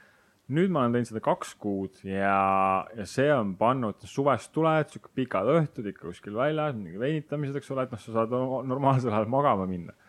ja, ja, ja see on pannud vaatama seda, mingi aeg Charlie'ni ka, et noh, nüüd kui kodus oled, noh, vaatame Netflixi õhtul, sa oled nagu endast juba kõik andnud, sa oled, ma olen muidugi ära teeninud selle Mm -hmm. ja siis vaatad seda Netflixi, lõpuks sa oled nagu nii kutu seal, et sul nagu silmad ajuvad kinni, ei vaatame ikka ühe osa veel noh. ja siis me panime septembris endale, et me ei vaata Netflixi, ei vaatagi nii, et Netflixi ei avagi seda. kui tublid te olete. ja, ja siis tundsin nagu nädala-kaks, et vau, et nagu noh, hea on olla kohe ja s- ja, ja järjest rohkem tunnen seda, et, et see telefon ja kõik asjad on nagu jube head sul, see, see ühendus, et sa oled, aga teistpidi see väsitab sind nii palju ja õhtul täpselt sama asi tegelikult, et kui sa õhtul oled ka telefonis, siis esiteks, mis ma olen õppinud äh, biohakkerite käest, siis äh, kui me oleme kogu aeg telefonis, vaata sul nagu kogu aeg tuled põlevad, ekraanid põlevad, siis see annab su ajule signaali, et kogu aeg on päev mm. -hmm. siis ta ei hakka seda unehormooni üldse töötma, tootma. ja, ja see omakorda siis, nagu ma ei tea, kas ta lükkab edasi seda või, või sul ei tule nagu see ööuni siis loomulikul ajal. et siis me ostsime endale sellised äh, sinise valguse kaitseprillid, et mm. kui sa nagu pead olema arvutis või vaatad telekat, siis pane ette need, aga see ei takista selle unehormooni tootmist siis, et see nagu aitab siis äh, õhtune üks kõige olulisem rutiin, äh, kes tahab ennast hommikul värskena tunda, reipalt ükskõik mis kellast sa ärkad, eriti 5M-i puhul on see muidugi oluline, see, et õhtune söögiaeg. et, et äh, kui see õhtune söögikord on hästi selline, noh, vahest ikka kipub, hommikul on aeg süüa, siis päeval on asjad vahele ja siis õhtul kühveldan kõik, tagantjärgi siis vaja süüa on nüüd kõht täis saaks õhtune toidukord on see, kus ainevahetus muutub sul aeglasemaks, tegelikult sul ei ole vaja seda energiat, sul on vaja hommikul ja päevaenergiat, aga õhtul see läheb sulle siis kõik siia onju ja siis ta sul seedib sinna õhtu läbi, kui sul on mingi liha ja mingid asjad seal ka veel, mingid rasked toidud, siis seedib sul terve öö läbi. samal ajal sina magad, aga tegelikult su keha ei saa puhata onju, see masinavärk kogu aeg töötab. et, et äh, ideaalis viia enda siis söögikord kuskil sihuke kolm tundi varasem enne magaminekut mm -hmm. ja see on nagu kõige suurem game changer, et äh, kes tahab nende rutiinide kohta, ma ei tea, palju aega rääkida on, siis me tegime nullist äh, podcast'i, siis nullist turunduskool on, Teeduga rääkisime seal tund aega harjumustest, mida me siis teeme, mis on meile abiks olnud. sa ütlesid, et see on game changer, kas see oli game changer sulle või see on nagu üleüldiselt sihuke? üleüldiselt äh, ja seda ei ole nagu ainult, äh, mis ma ise olen tundnud, vaid väga paljud ütlevad seda, et mm., et kui sa tahad hakata varem ärkama, siis õhtune toidukord on äh, number üks mõjutaja seal. ja seda ma tunnen ka tegelikult, et no muidugi tekib neid õhtuid, kus oh, tahaks midagi näksida äh, teha, onju, siis kui sa näksid ära, siis tunned mingi, ah, kõht on nagu täis ja raske, uni, uni ei ole. millal sa neid need hommikurutiinid nagu enda jaoks päris nagu paika said, kui me, kui sa mõtled tagasi nüüd sellele kahele aastale, kus sa seal korteris elasid ja siis kell kuus ärkasid nagu, kuidas siis, kas sa siis tegid ka nagu mingeid rutiine või siis sa olid nagu lihtsalt noh, elasid, et ellu jääda? siis jah, siis ma ühtepidi elasin, et ellu jääda, aga hakkas sihuke mingi katsetamine tekkima, et äh, lugemine sai äh, osaks, vahepeal seda on ka mingi vahepeal edu olnud, et kuuled podcast'e vahepeal näiteks onju, siis ei jõua nii palju lugeda seal aga sihuke hommikune ärkamine, et see ei olnud küll siis kell viis äh,. mediteerimine hakkas tekkima siis, et noh, sul hakkas juba nagu mingi ärevus tekkima ka seal oma ettevõttega asjad ja mingid mured ja asjad ja kas sa ikkagi saad ja oled piisavalt nagu hea ja et seda siis manageerida seal äh,. Need asjad hakkasid tekkima, aga sihuke, ma arvan, päris palju oli katsetamist äh, ja hakkasid avastama, et oo, jalutamine on ka nagu päris okei okay vahepeal, et lähed lihtsalt välja loodusesse, et see, kas see laeb sind siis äh, või maandab just vastupidi siis sellest äh, ülejäänud asjadest seal. ma arvan, esimesed katsetused hakkasid äh,, hakkasid vaikselt kujunema seal, aga mis, mis sealt nagu tekkis, oli see, et ma hakkasin järjest rohkem aru saama nende mõjust ja kui see on, see on nagu sihuke liitintress, kus sa hakkad nagu üksteise otsa laduma neid onju, et no alguses on üks samm ja natuke mm -hmm. seda ja seda, aga nad hakkavad kõik nagu üksteise veel nagu mõju, võimendavad üksteise mõju veel hästi-hästi tugevalt. et on see see toitumine, lähed varem magama, ärkad varem, eks ole, sul on hea olla, sul on energia, sa mediteerid, see, noh ja see annab sulle siis lõpuks selle nagu siis tulemuse onju, et sa võid mm. põhimõtteliselt kolme tunniga. nii palju. sa võid kolme tunniga ära teha palju. rohkem äh, või kahe tunniga, kui mõni teeb terve nädalaga. et, et äh, sisuliselt on, kui sa ise oma aega oskad planeerida ja teha, et tegeleda õigete asjadega. see tundub nagu kõike nii palju hoomata, et nagu teha neid asju, mediteerimised, ärkamised, trennid, lugemised ja siis võtame sinu smuutid juurde. Smuuti tegemine, kas sa tead, smuuti tegemine on pain in the ass. mulle meeldib smuutit juua, ma vihkan nende tegemist. aga haige ma olen kindlasti hullem olla. ei no seda küll, see on nagu, kurat, see on hea point nagu. kui sa oled voodis haige ja sul ei ole energiat ja sul on nagu mm., kurat, ma oleks võinud nagu natukene tervislikum olla ja, ja see viis minutit nagu, aga seda blenderit pesta. sul on oh. suva sellest podcast'ist, sul on suva oma produktiivsusest, sest sa ei saa mitte midagi teha. aga tead, mis nad, ei selles suhtes sul on õige point ja, ja kui ma seal üks, üksi nagu rahmeldasin seal see kaks aastat, siis äh, tõmbasin mingi äpi, kus said siis noh panidki nagu tick in the box onju mm -hmm.. mediteerisin ära, smuuti ära, käisin seda, tegin seda, siis oli mingi seitse asja, mis pead ära tegema onju. ja siis ma nagu mingi aeg jooksin nagu täiesti kokku, mõtlesin, kurat, kas ma nagu elan selle nimel, et ma lihtsalt pean neid asju nagu tegema või. kustutasin läpi ära onju. ja siis mingi aeg rahu ja siis teed oma asju ja siis nagu mingid asjad tulevad tagasi, mingid asjad nagu jäävad vahepeal välja, tood uuesti mingi, mingi pärast tagasi. aga see võtabki aega see on okei okay. ja ise katsetada, leida, mis sulle sobib. võib-olla sul see tänulikkus ja mediteerimine, võib-olla sul ei olegi vaja niisugust teha, onju et, et äh, need ei ole nagu niimoodi, et mis mul toimis hästi, siis need on kõigil no. nagu by the book. no Mihkel, täna sul küll nagu ei tohiks ühtegi vabandust olla, miks mitte smuutisid juua. siis nagu Aga sa vaata, saad nüüd blenderis käia. fakt on see, et sul on vaja teha mingeid asju ja see maailm, kus me täna elame, seda nagu infot ja seda müra on nagu nii palju meie ümberringi onju. ja, ja vaimne tervis on üks, üks väga suur probleem äh, hetkel maailmas mm., depressioon ja enesetapud, kõik see. miks see tekib, sellepärast et äh, see ongi, see aju ei jõua ära töödelda seda. Sellepärast meil ongi vaja natuke see tänulikkus või mediteerida, vähemalt mm -hmm. olla kümme minutit vait enda mõtetega. See tekitab aitab. sulle mingid nagu seosed sinu peas, kas mingitest asjadest või äh, sul tekib nagu ruumi ise nagu mõelda, eks ole, samamoodi tervis, noh, sa ei saa ilma terviseta nagu. noh, fakt, ükskõik, kas sa jood smuutit, teed sa midagi muud, sul on vaja midagi teha, et sa oleksid terve. ja kui sa tahad kümne aasta pärast terve olla või neljakümneselt või viiekümneselt, siis sa pead täna tegutsema selle nimel. Seda on vahepeal lihtsalt raske tunnetada, eriti inimestel, kellel on võib-olla parem tervis, et lihtsalt see tõdemus, et sul ei ole nagu tervises samuti, sul ei ole seda paigalseisu, sul on kas kahanemine või kasvamine. ja, ja kui nagu kõik tundubki nagu okei okay,, siis on lihtne endale ikkagi öelda, et ma täna ei viitsi seda kuradi tead, kui smuutit raske teha. on Mhm. tegelikult tervislikku toitu teha. Jah. nagu selles mõttes me ei ole, me ei ole loodud olema mingid distsiplineeritud mingid inimesed, nagu me oleme nagu loodud selleks, et kaneelisaiu süüa nii palju, kui neid ette pannakse, noh. ja see see on nagu, me oleme, me oleme siuksed inimesed ja ma samamoodi söön ennast vahepeal mingist asjadest üle ja siis mul on nagu halb olla. ma tean, et ma homme hommikul või noh, midagi peab muutma siis, eks ole. Et me, me oleme loodud inimesed niisugune, täna on kõige hullem see, et, et kunagi vähemalt toitu kasvatati ise ja, ja mm -hmm. metsast või, või ise kasvatati põllul ja tehti ja sul ei olnud nagu, et sa läksid poodi, ostsid mingi kilo komme ja küpsiseid ja saiakesi sealt kuskilt, ma ei tea, kust kohast tulnud, eks ole. ei olnud sihukest asja, inimestel polnud rahagi ja see, see toitumine oligi nagu puhtam ja palju füüsilist tööd oli seal juures kogu aeg, see hoidis mind nagu ka natukene vormis. täna sa lähed, astud siit välja, ükskõik mina proovi isegi Circle K-s vett osta, noh. kui palju sul neid maiustusi ja šokolaadi mm. ümberringi on, neid nagu, mis äkki peaks võtma, ei, sa pead hakkama kohe võitlema endaga, eks ole. et, et nagu neid ahvatlusi on nii palju ja kui sa tahad nagu jõuda mingi tervisliku asjani kuskilt, no sa pead ikka niimoodi läbi navigeerima sealt, et sul on äh,, et see on raske ja see ongi raske, et, et äh, me nagu elame, noh, kui me Saaremaal elasime ka, et siis neid ahvatlusi oli nagu vähem ümberringi, sul ei ole mm. -hmm. praegu elame linnast väljas, et sa oled nagu oma majas, sa teed äh, ise omale kodus süüa tegema ja sul ei ole nagu iga, iga putka seal nurga peal kohe, kus sa saad siis mingeid kiireid lahendusi, mis tegelikult ei ole sulle pikas perspektiivis kasulikud, eks ole. Mhm. ja, ja Et- nii lihtne et, on lihtsalt äh, sooja, soojaletist seda valmis toitu nagu võtta või tellida Woldiga endale mingeid burgereid eh, koju nagu, noh, see on nii lihtne. ja ma üksi elasin ka, et ma ei viitsinud teha kogu aeg süüa endale, et siis see smuuti minu jaoks tek- tekkis nagu sihuke mugavustoit nagu. Ja Jah. ma, ma ei olnud. kuidas sa teed smuutisid, mis sinu smuuti tegemise protsess on? äh,? marjad, mingid rohelist äh,, mandlipiim, mis iganes, avokaado alati läheb sinna sisse, tatlid, super. kõlab mega kaljult ka juba näiteks. äh,. aga jällegi, mis on, mis on kall-, nojah, mille peale sa oma raha paned, eks mille ole. peale sa oma raha paned, eks ole, et selles suhtes, kui tegelikult värskete asjade ostmine on poest kõige odavam asi üldse, mis ostad Mm. nagu kõige odavam asi. Vaata, palju maksab mingi lihatükk äh,. et, et seal mina olen seda oma nahal tundnud, et ma seal kompromisse teen, tervise pealt ma nagu mitte Jaa. kunagi ei koonerda ja kui ma pean koonerdama hakkama, siis järelikult ma pean rohkem teenima lihtsalt, et äh, mingid tasemed, oma standardid saame ise tõsta täpselt. äh,. aga mis äh,, mul just läks juba mõte ära seal. et äh, ma küsingi, mis sul see smuuti tegemise protsess on, et sul on need rohelised mm. -hmm. sul mingi mandel, millega sa. sellest, sellest rääkida, smuuti muutus tegelikult mul selliseks mugavustoiduks, ma aastas käin seda kaks korda päevas ja siiamaani. Et äh, see on, see on nagu kõige lihtsam toidukord üldse teha.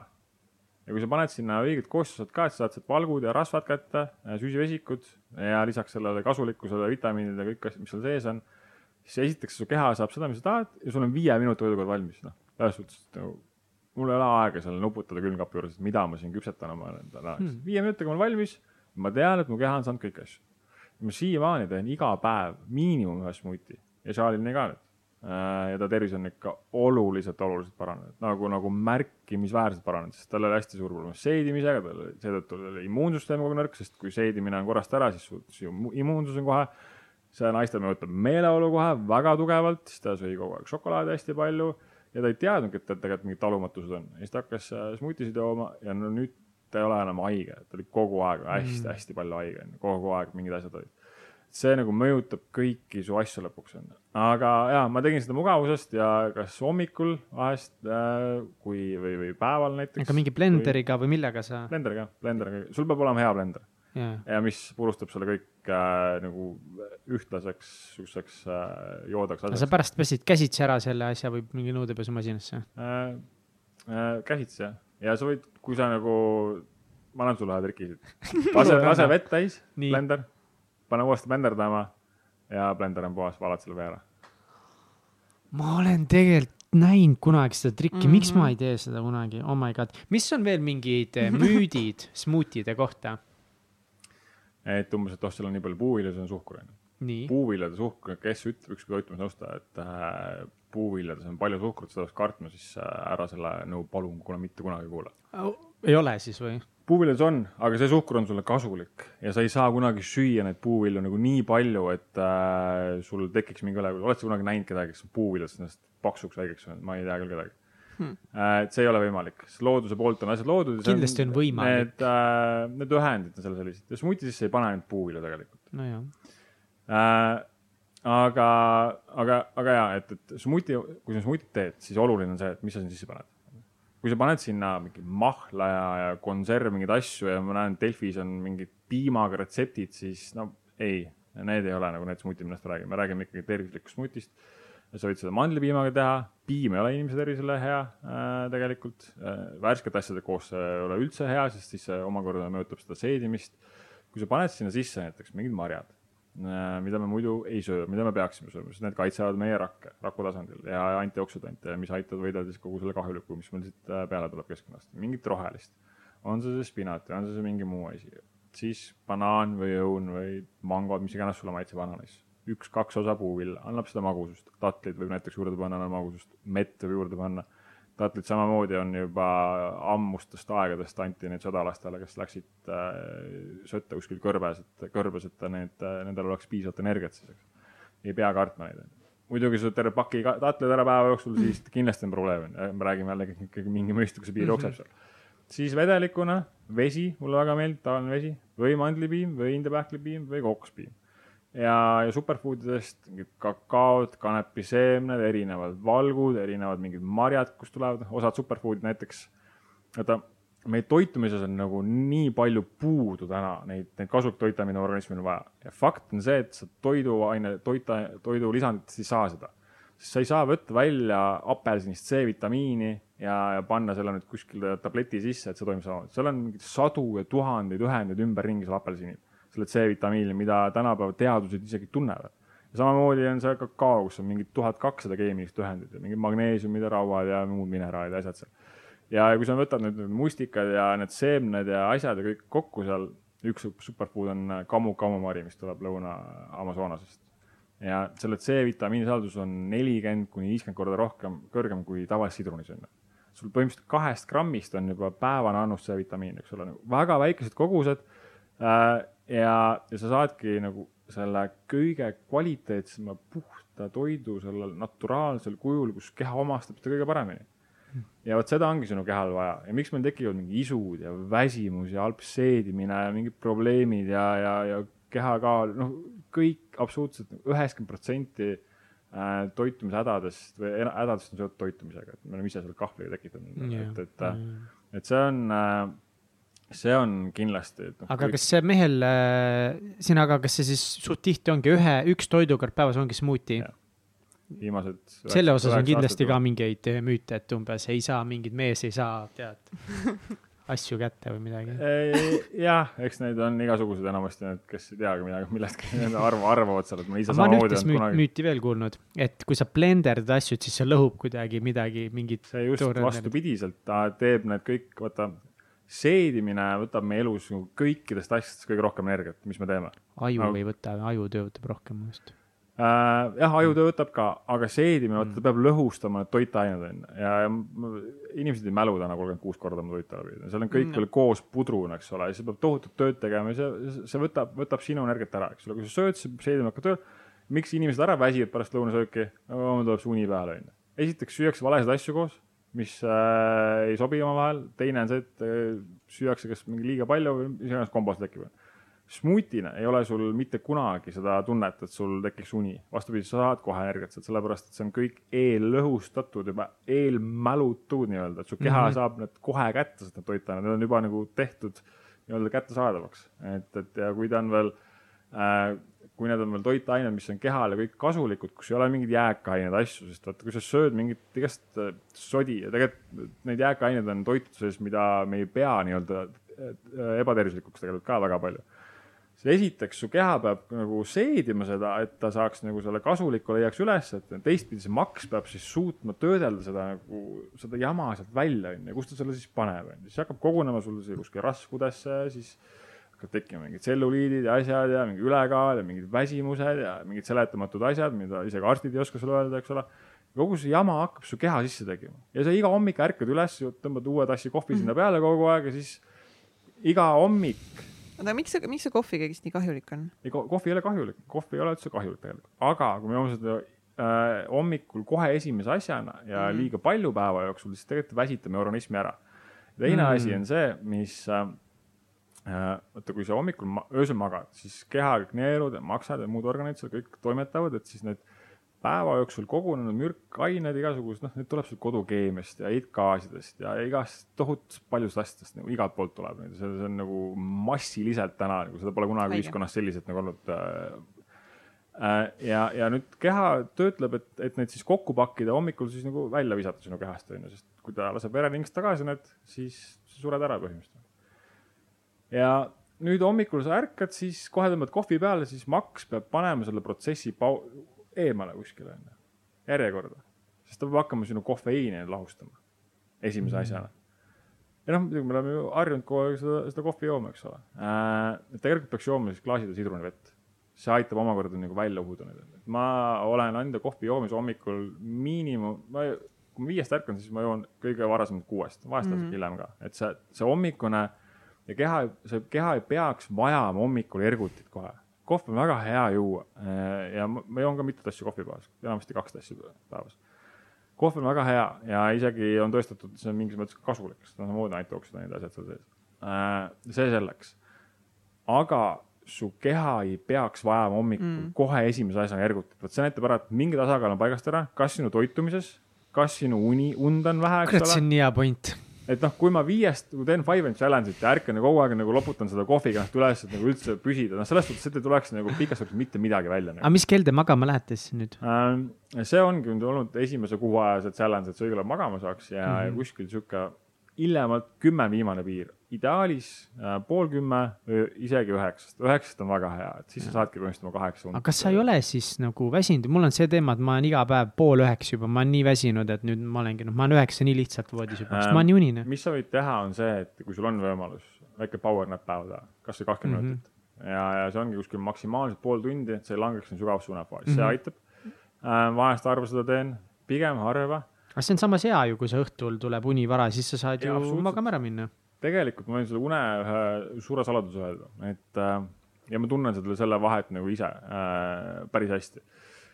kui sa lähed magama südaööl, vaata kehal on mingid nagu protsessid, mida ta teeb, mingi ajus ja siis ta puhastab mm -hmm. ja taastab mm -hmm. ja, ja, ja, ja kasvatab sul seal äh, aga kui sa lähed magama südaööl, siis ta natukene peab nagu nihutama seal mingeid protsesse või, või ära jätma või kiirendama seal keha tegelikult ta tahaks või see ideaalne magamineku aeg ongi tegelikult sihuke üheksa-kümme. sest enne südaööd toimuvad seal mingid protsessid äh, lihtsalt naturaalse meie rütmi järgi mm. -hmm. ja öeldakse, et üks tund und enne südaööd võrdub kahe tunniga unega pärast südaööd.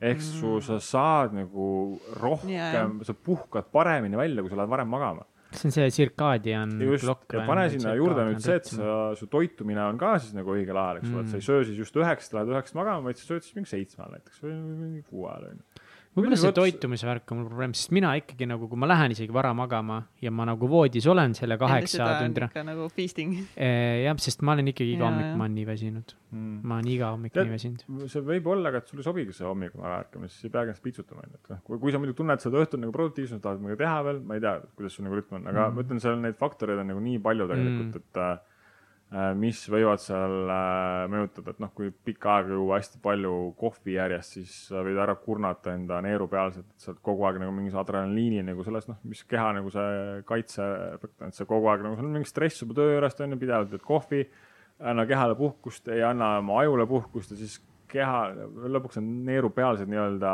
töötavad üle ennast on ju. Ja siis äh,, siis tekib sihuke nagu üldine krooniline väsimus äh, tegelikult mis nõuab siis sul täielikku keha reset'i põhimõtteliselt, detox'it päris pikka aega, et, et ma peaks lugema selle kohta, sest ma joon palju kohvi ja ma olen väsinud. ja, ja vaata nüüd on ka, et see, mis selle kohviga on, sa viid meie keha vedelikku välja. tegelikult on ju, ja siis, kui sa ei joo vett või noh, ei suudaks seda tavalist kraanivett ka omastada, et mm., et, et, et siis on nagu ühtepidi, et see keha on nagu veel jänus kogu aeg. oot, mis asja? mis mõttes keha ei suuda tavalist kraanivett omastada? Keha ei suuda, kui sa jood suures koguses kraanivett lihtsalt suure klaasi, mõtlesin, ma jõin need ära, et siis ta ei suuda seda omastada. et seal on vaja siis ka mingeid ühendeid, kas mingeid mineraale, asju, et näiteks. Andri Peetso saade mine,. mineraalvees. see on see teema, jah. või sidrun aitab seda omastatust parandada mm. või midagi sinna vee sisse. Himaalaja soole ma panen näiteks mingi paar terakest sinna sisse vahest, et et, et see, sihuke, kõik siuksed väiksed asjad mängivad rolli ja, ja vedelikupuudus on ka enamasti üks äh, põhifaktor, miks inimesed on väsinud või pea valutab, onju. sest äh, kogu aeg läheb seda kehast välja, aga, aga me ei joo siis piisavalt palju. kuulge, sõbrad, mul on tunne, et. aa, me peame hakkama lõpetama. me peame hakkama lõpetama ja ma ei jõudnud nagu enamus asjadest, mis ma Sveniga tahtsin rääkida, üldse rääkida, nii et. aga äh, äkki tahad veel rääkida Askarast? siin tuleb siis mingi neljatunnine saade ja me teame, et Sven peab ju varsti magama minema et selles mõttes, et nagu Peab, kui me hakkame nagu nendest ettevõtluse teise... veel väljakutsetest rääkima, siis noh. teise osa eraldi teha ka. nagu kindlalt. kõlab nagu plaan mulle. kõlab nagu plaan.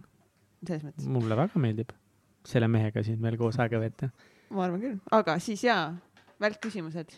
nii, herr Monsieur, eh, enne kui me su magama ära laseme, siis äh, küsimus sulle, me oleme nüüd põhimõtteliselt ma ei tea, tund aega sellest juba rääkinud, aga ikkagi, kas sul on olulisi rutiine või harjumusi, mida sa teed igapäevaselt või iganädalaselt? arvan, mis saime läbi käidud juba see on esimene inimene, me oleme enne ka rääkinud, aga sa oled esimene kord, esimene kord keegi ütleb, et kuule. We got it covered. austame ikka lugejat, kuulajate aega ka. muidugi, milles sa väga hea ei ole milles ma väga hea ei ole, on kindlasti äh, finants ja numbrid ja Exceli tabelid, inimeste juhtimine. ma olen sihuke suhteliselt nagu noh, tahaks mingi omaette teha asju, et ma ei viitsi ah,. sama ma muidugi, nüüd ma olen mingi erak, kindlasti mitte, aga, aga need asjad on küll, et ma delegeerin need äh, ära, et äh, matemaatika on tohutult raske koolis on ja siis nagu need X ja Y, et seal muidugi, ma saan aru, baasteadmised on igal inimesel vajalikud absoluutselt äh, mingi saja või tuhande piires arvutada, noh, tänapäeval on see Google paneb X-id ka kokku vaja, onju. aga ma ei tea, mis mul seal koolis oli, aga ma ütlesin nendele õpetajatele siis juba, et mul ei lähe vaja mitte kunagi, noh. ja siis mu karistuseks pandi meil veel sel hetkel, kui mina lõpetasin põhikooli ja võeti veel, vot sel aastal on ilma kalkulaatorita. no ilmselgelt ma kukkusin sealt nii kolinal läbi, kui vähegi andis, onju et siuksed asjad ma delegeerin ära ja ma ei, olen ootanud seda aega küll äh, seitseteist aastat, millal mul seda parapooli vaja läheb ühe korra, aga siiamaani ei ole seda veel tulnud. esitage Svenile väljakutse, kus tal läheks seda vaja kasutada. mis värk sellega on, et me koolis õpetame ainult parapooli, aga me ei õpeta piisavalt seksist naistest, mis värk nendega on? ärme lähe sinna, ärme lähe sinna. ettevõtlus, kuidas maksud, koolist on kümme aastat, kahekümnendatest kolmekümnendaid eksperimenteerid, kõik läheb pekki, onju. ja siis sa hakkad lugema seal neid eneseabiraamatuid ja siis võib-olla hakkad kuskile jõudma. hea küll äh,, mille üle sa oled kõige uhkem oma elus äh,? kõige uhkem enda üles, elus äh,, ma ei, väga raske on vastata sellele, ma arvan äh,, me ei ole sihuke, kes mingi tohutult seal äh, lõõpi tahaks. ma olen uhke selle üle, et äh, mul olnud äh, sellised inimesed ümberringi oma vanaema, kellele ma olen nagu lõputult tänulik ja kelle üle ma olen uhke ja ma olen uhke, kui tema saab minu üle uhkust tunda. kuskilt äh, lugeda midagi, et poiss on äh,, tema elumissioon on äh, täidetud sellega, et see on minu võib-olla sihuke asi, mida äh,, mis mulle pakub äh,, pakub rõõmu ja ma olen uhke selle üle, et mul on jätkunud nagu mingis mõttes mingit äh, kindlust edasi minna ja, ja rühkida ja, ja panna see pea sinna liiva alla ja kaks aastat ja teha tööd lihtsalt, et, et see tasus ära ennast, et, et see oligi võimalik, et see, see on nagu hea tunne, et, et äh, mis paneb nagu enda, enda pärast uhkust tundma, et ja et, et äh, teistele proovin ka seda edasi anda siis, et, et äh, niisugune huvitav. mis on kõige pöörasem asi, mis sa elus teinud oled ja kas sa teeksid seda uuesti? Äh,? ma ei ole sihuke suur mingi riskivõtja, kes kuskilt alla hüppaks, et, et.... ei, see ei pea, see sinu mõistes pöörane äh,. ma arvan, et, et äh, see oligi üsna sihuke pöörane, kui ma seal ostsin selle ühe otsa pileti Filipiinidele, otsustasin lihtsalt, lihtsalt lähen minema ja vaatan, mis saab, et, et äh, äh, ma, ma usun, et see ongi ja, ja, ja sealt said mingid asjad alguse minu jaoks. et teha lihtsalt, teha lihtsalt täielik kannapööre, vaadata, mis saab.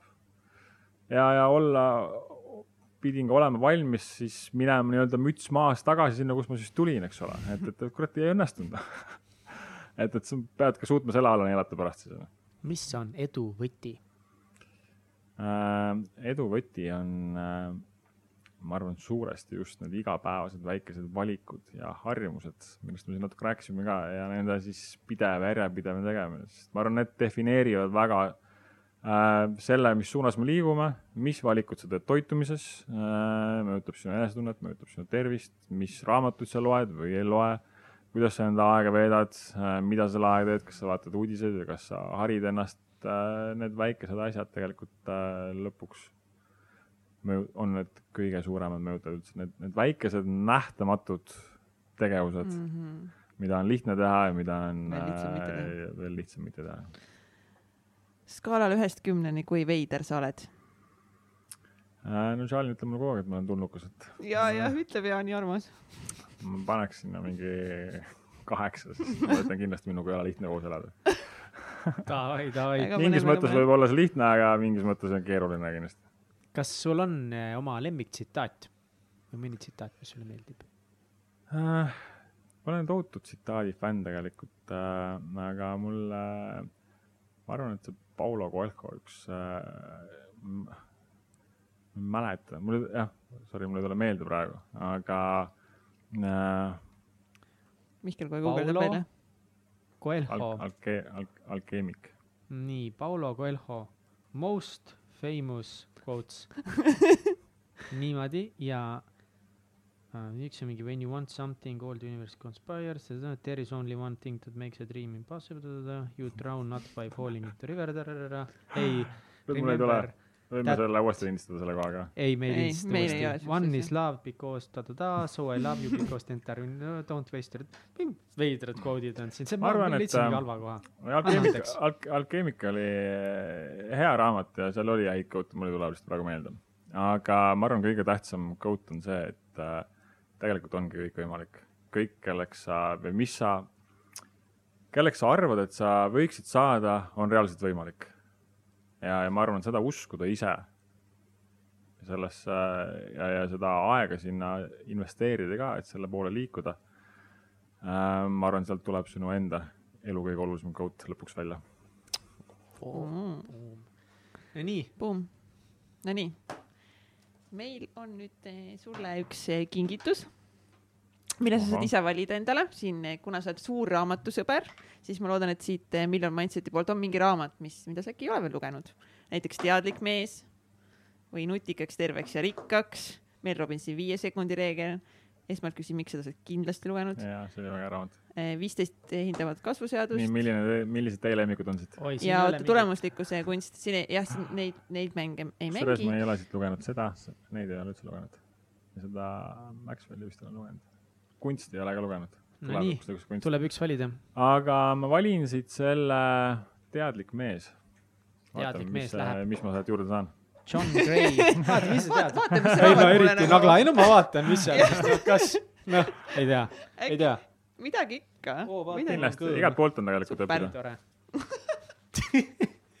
kuule, ühesõnaga uneaeg on käes meil mõlemal, ma ei tea, Kats, kuidas sinul selle viie, viie, viie ärkamisega. mul ei ole seda hästi. meil on uneaeg täiega peal juba ja ülilahe oli, aitäh, et sa tegid selle aega. tulid siia ja väga vinge oli jutustada. omasugustega on hea rääkida on, ma ütlesin oh, pärast Sveni kõnet ka, et eh, ma ei kas Keegeti või kellega me rääkisime, et ei, või meie kõnes või kus, et, Sveniga nagu täpselt see energia kohe, nii kui sa nägid esimest korda Sveni, see on Zoomi, noh, teisel pool ekraani, said kohe aru sellest naeratusest ja sellest kohaloleku energiast, ma olin mingi davai ja tema, see vend nagu, et nii kihvt. Nagu ma teile ka ütlesin, ma ütlesin, ma olin äh, päris väga impressed sellest, et kuidas te nagu üldse seda protsessi teete, et äh, reaalselt ennem näete oh. vaeva, et pingutada ma just Robin Sharmat kuulasin üks hommik just, äh, no vahest kuulan mingit, kas äh, mingit inspireerivat või loen midagi. räägi, räägi. ja siis ta ütles nagu nii ilusti seal, et need, need väikesed asjad tegelikult, et ta, noh, ta, talle alati meeldib jälgida kuidas hotelli siis, äh, kas töötajad midagi teevad siis on ju, ja, ja, ja loomulikult ta siis premeerib ka neid või toob siis kuskil välja neid ja ütles, et nagu, ma ei tea, kas tellis sidrunivett ja, ja, ja see teenindaja oli võtnud välja kõik kivid sidruni sees, nagu nende sidrunide viilude sees, kõik kivid oli välja võtnud. See on see, nagu sa lähed selle ekstra miili ja selle pingutuse, mida sa ei peaks tegelikult tegema, aga sa teed selle. ja seda, seda kohta on minu arust liiga vähe maailmas, et see võiks rohkem olla. see on ilus asi. see on suurepärased sõnad siia lõppu. see oli siis kiitus meile, et noh, me oleme ka Mhm. sellised vennad Jaa, kes need vennad, kes võiksid eh, sidruni seest Jaa. neid kivikesi ära jah. see on hea mõte. Nii et järgmine kord, muidugi me täna ei pakkunud isegi sidrunit. tee sisse ega midagi fail, mett, midagi ei pakkunud. Juba miinused nagu.. tavaliselt see Jah, isegi nagu. tava, isegi ei ole filtreeritud ega midagi ilma. Himalaia soolata nagu täiesti mõttetu nagu. kuule, davai, lähme, lähme magama ära. aitäh, Sven, aitäh selle nii sisuka vestluse ja, eest. ja kes tahab midagi Instagramis kuskil võib küsida, kirjutada ka, et seal ma olen ilmselt kõige aktiivsem või kõige lihtsam kus see, kus sul saab jah silma? Instagram äh, Sven Nuum, leiad üles mind, et seal ma jagan oma harjumusi või mingeid elust arusaamisi ka vahepeal, millest me siin rääkisime. et, et ja kui tahad küsida, kirjutada midagi vahest, et siis on väga okei okay.. väga hea, minge pange follow Svenile, me vaatame siin, palju Sveni follower'ide arv suureneb pärast seda saadet, nii et pressure is on. Svenile, kirjutage korraga mingi samal hetkel, see oleks hea. jah, ja hommikul palun. iga kuule, hommik hüva. head äh, ilusat, mida iganes teil ka hetkel on. tšau. tšau. aitäh, et kuulasid saadet Täitsa Pekkis. Saade tõid teieni Katrin Hindrikus-Karu ja Mihkel Vetemaa. tehniline juht Egert Karu. supernatas by Triin Tallo. ÜRO Supreme Manager Kelly Treu ja NASA juhtivanalüütik Kaari Aupaju. kui see saade läks sulle korda ja inspireeris sind, siis toeta meid Patreonis, patreon.com, kaldkriips, täitsa pekkis. tee ära. saadet toetavad United Dream Studios, Tint Disain, Million Mindset kirjastus ja Blender. järgmise korrani.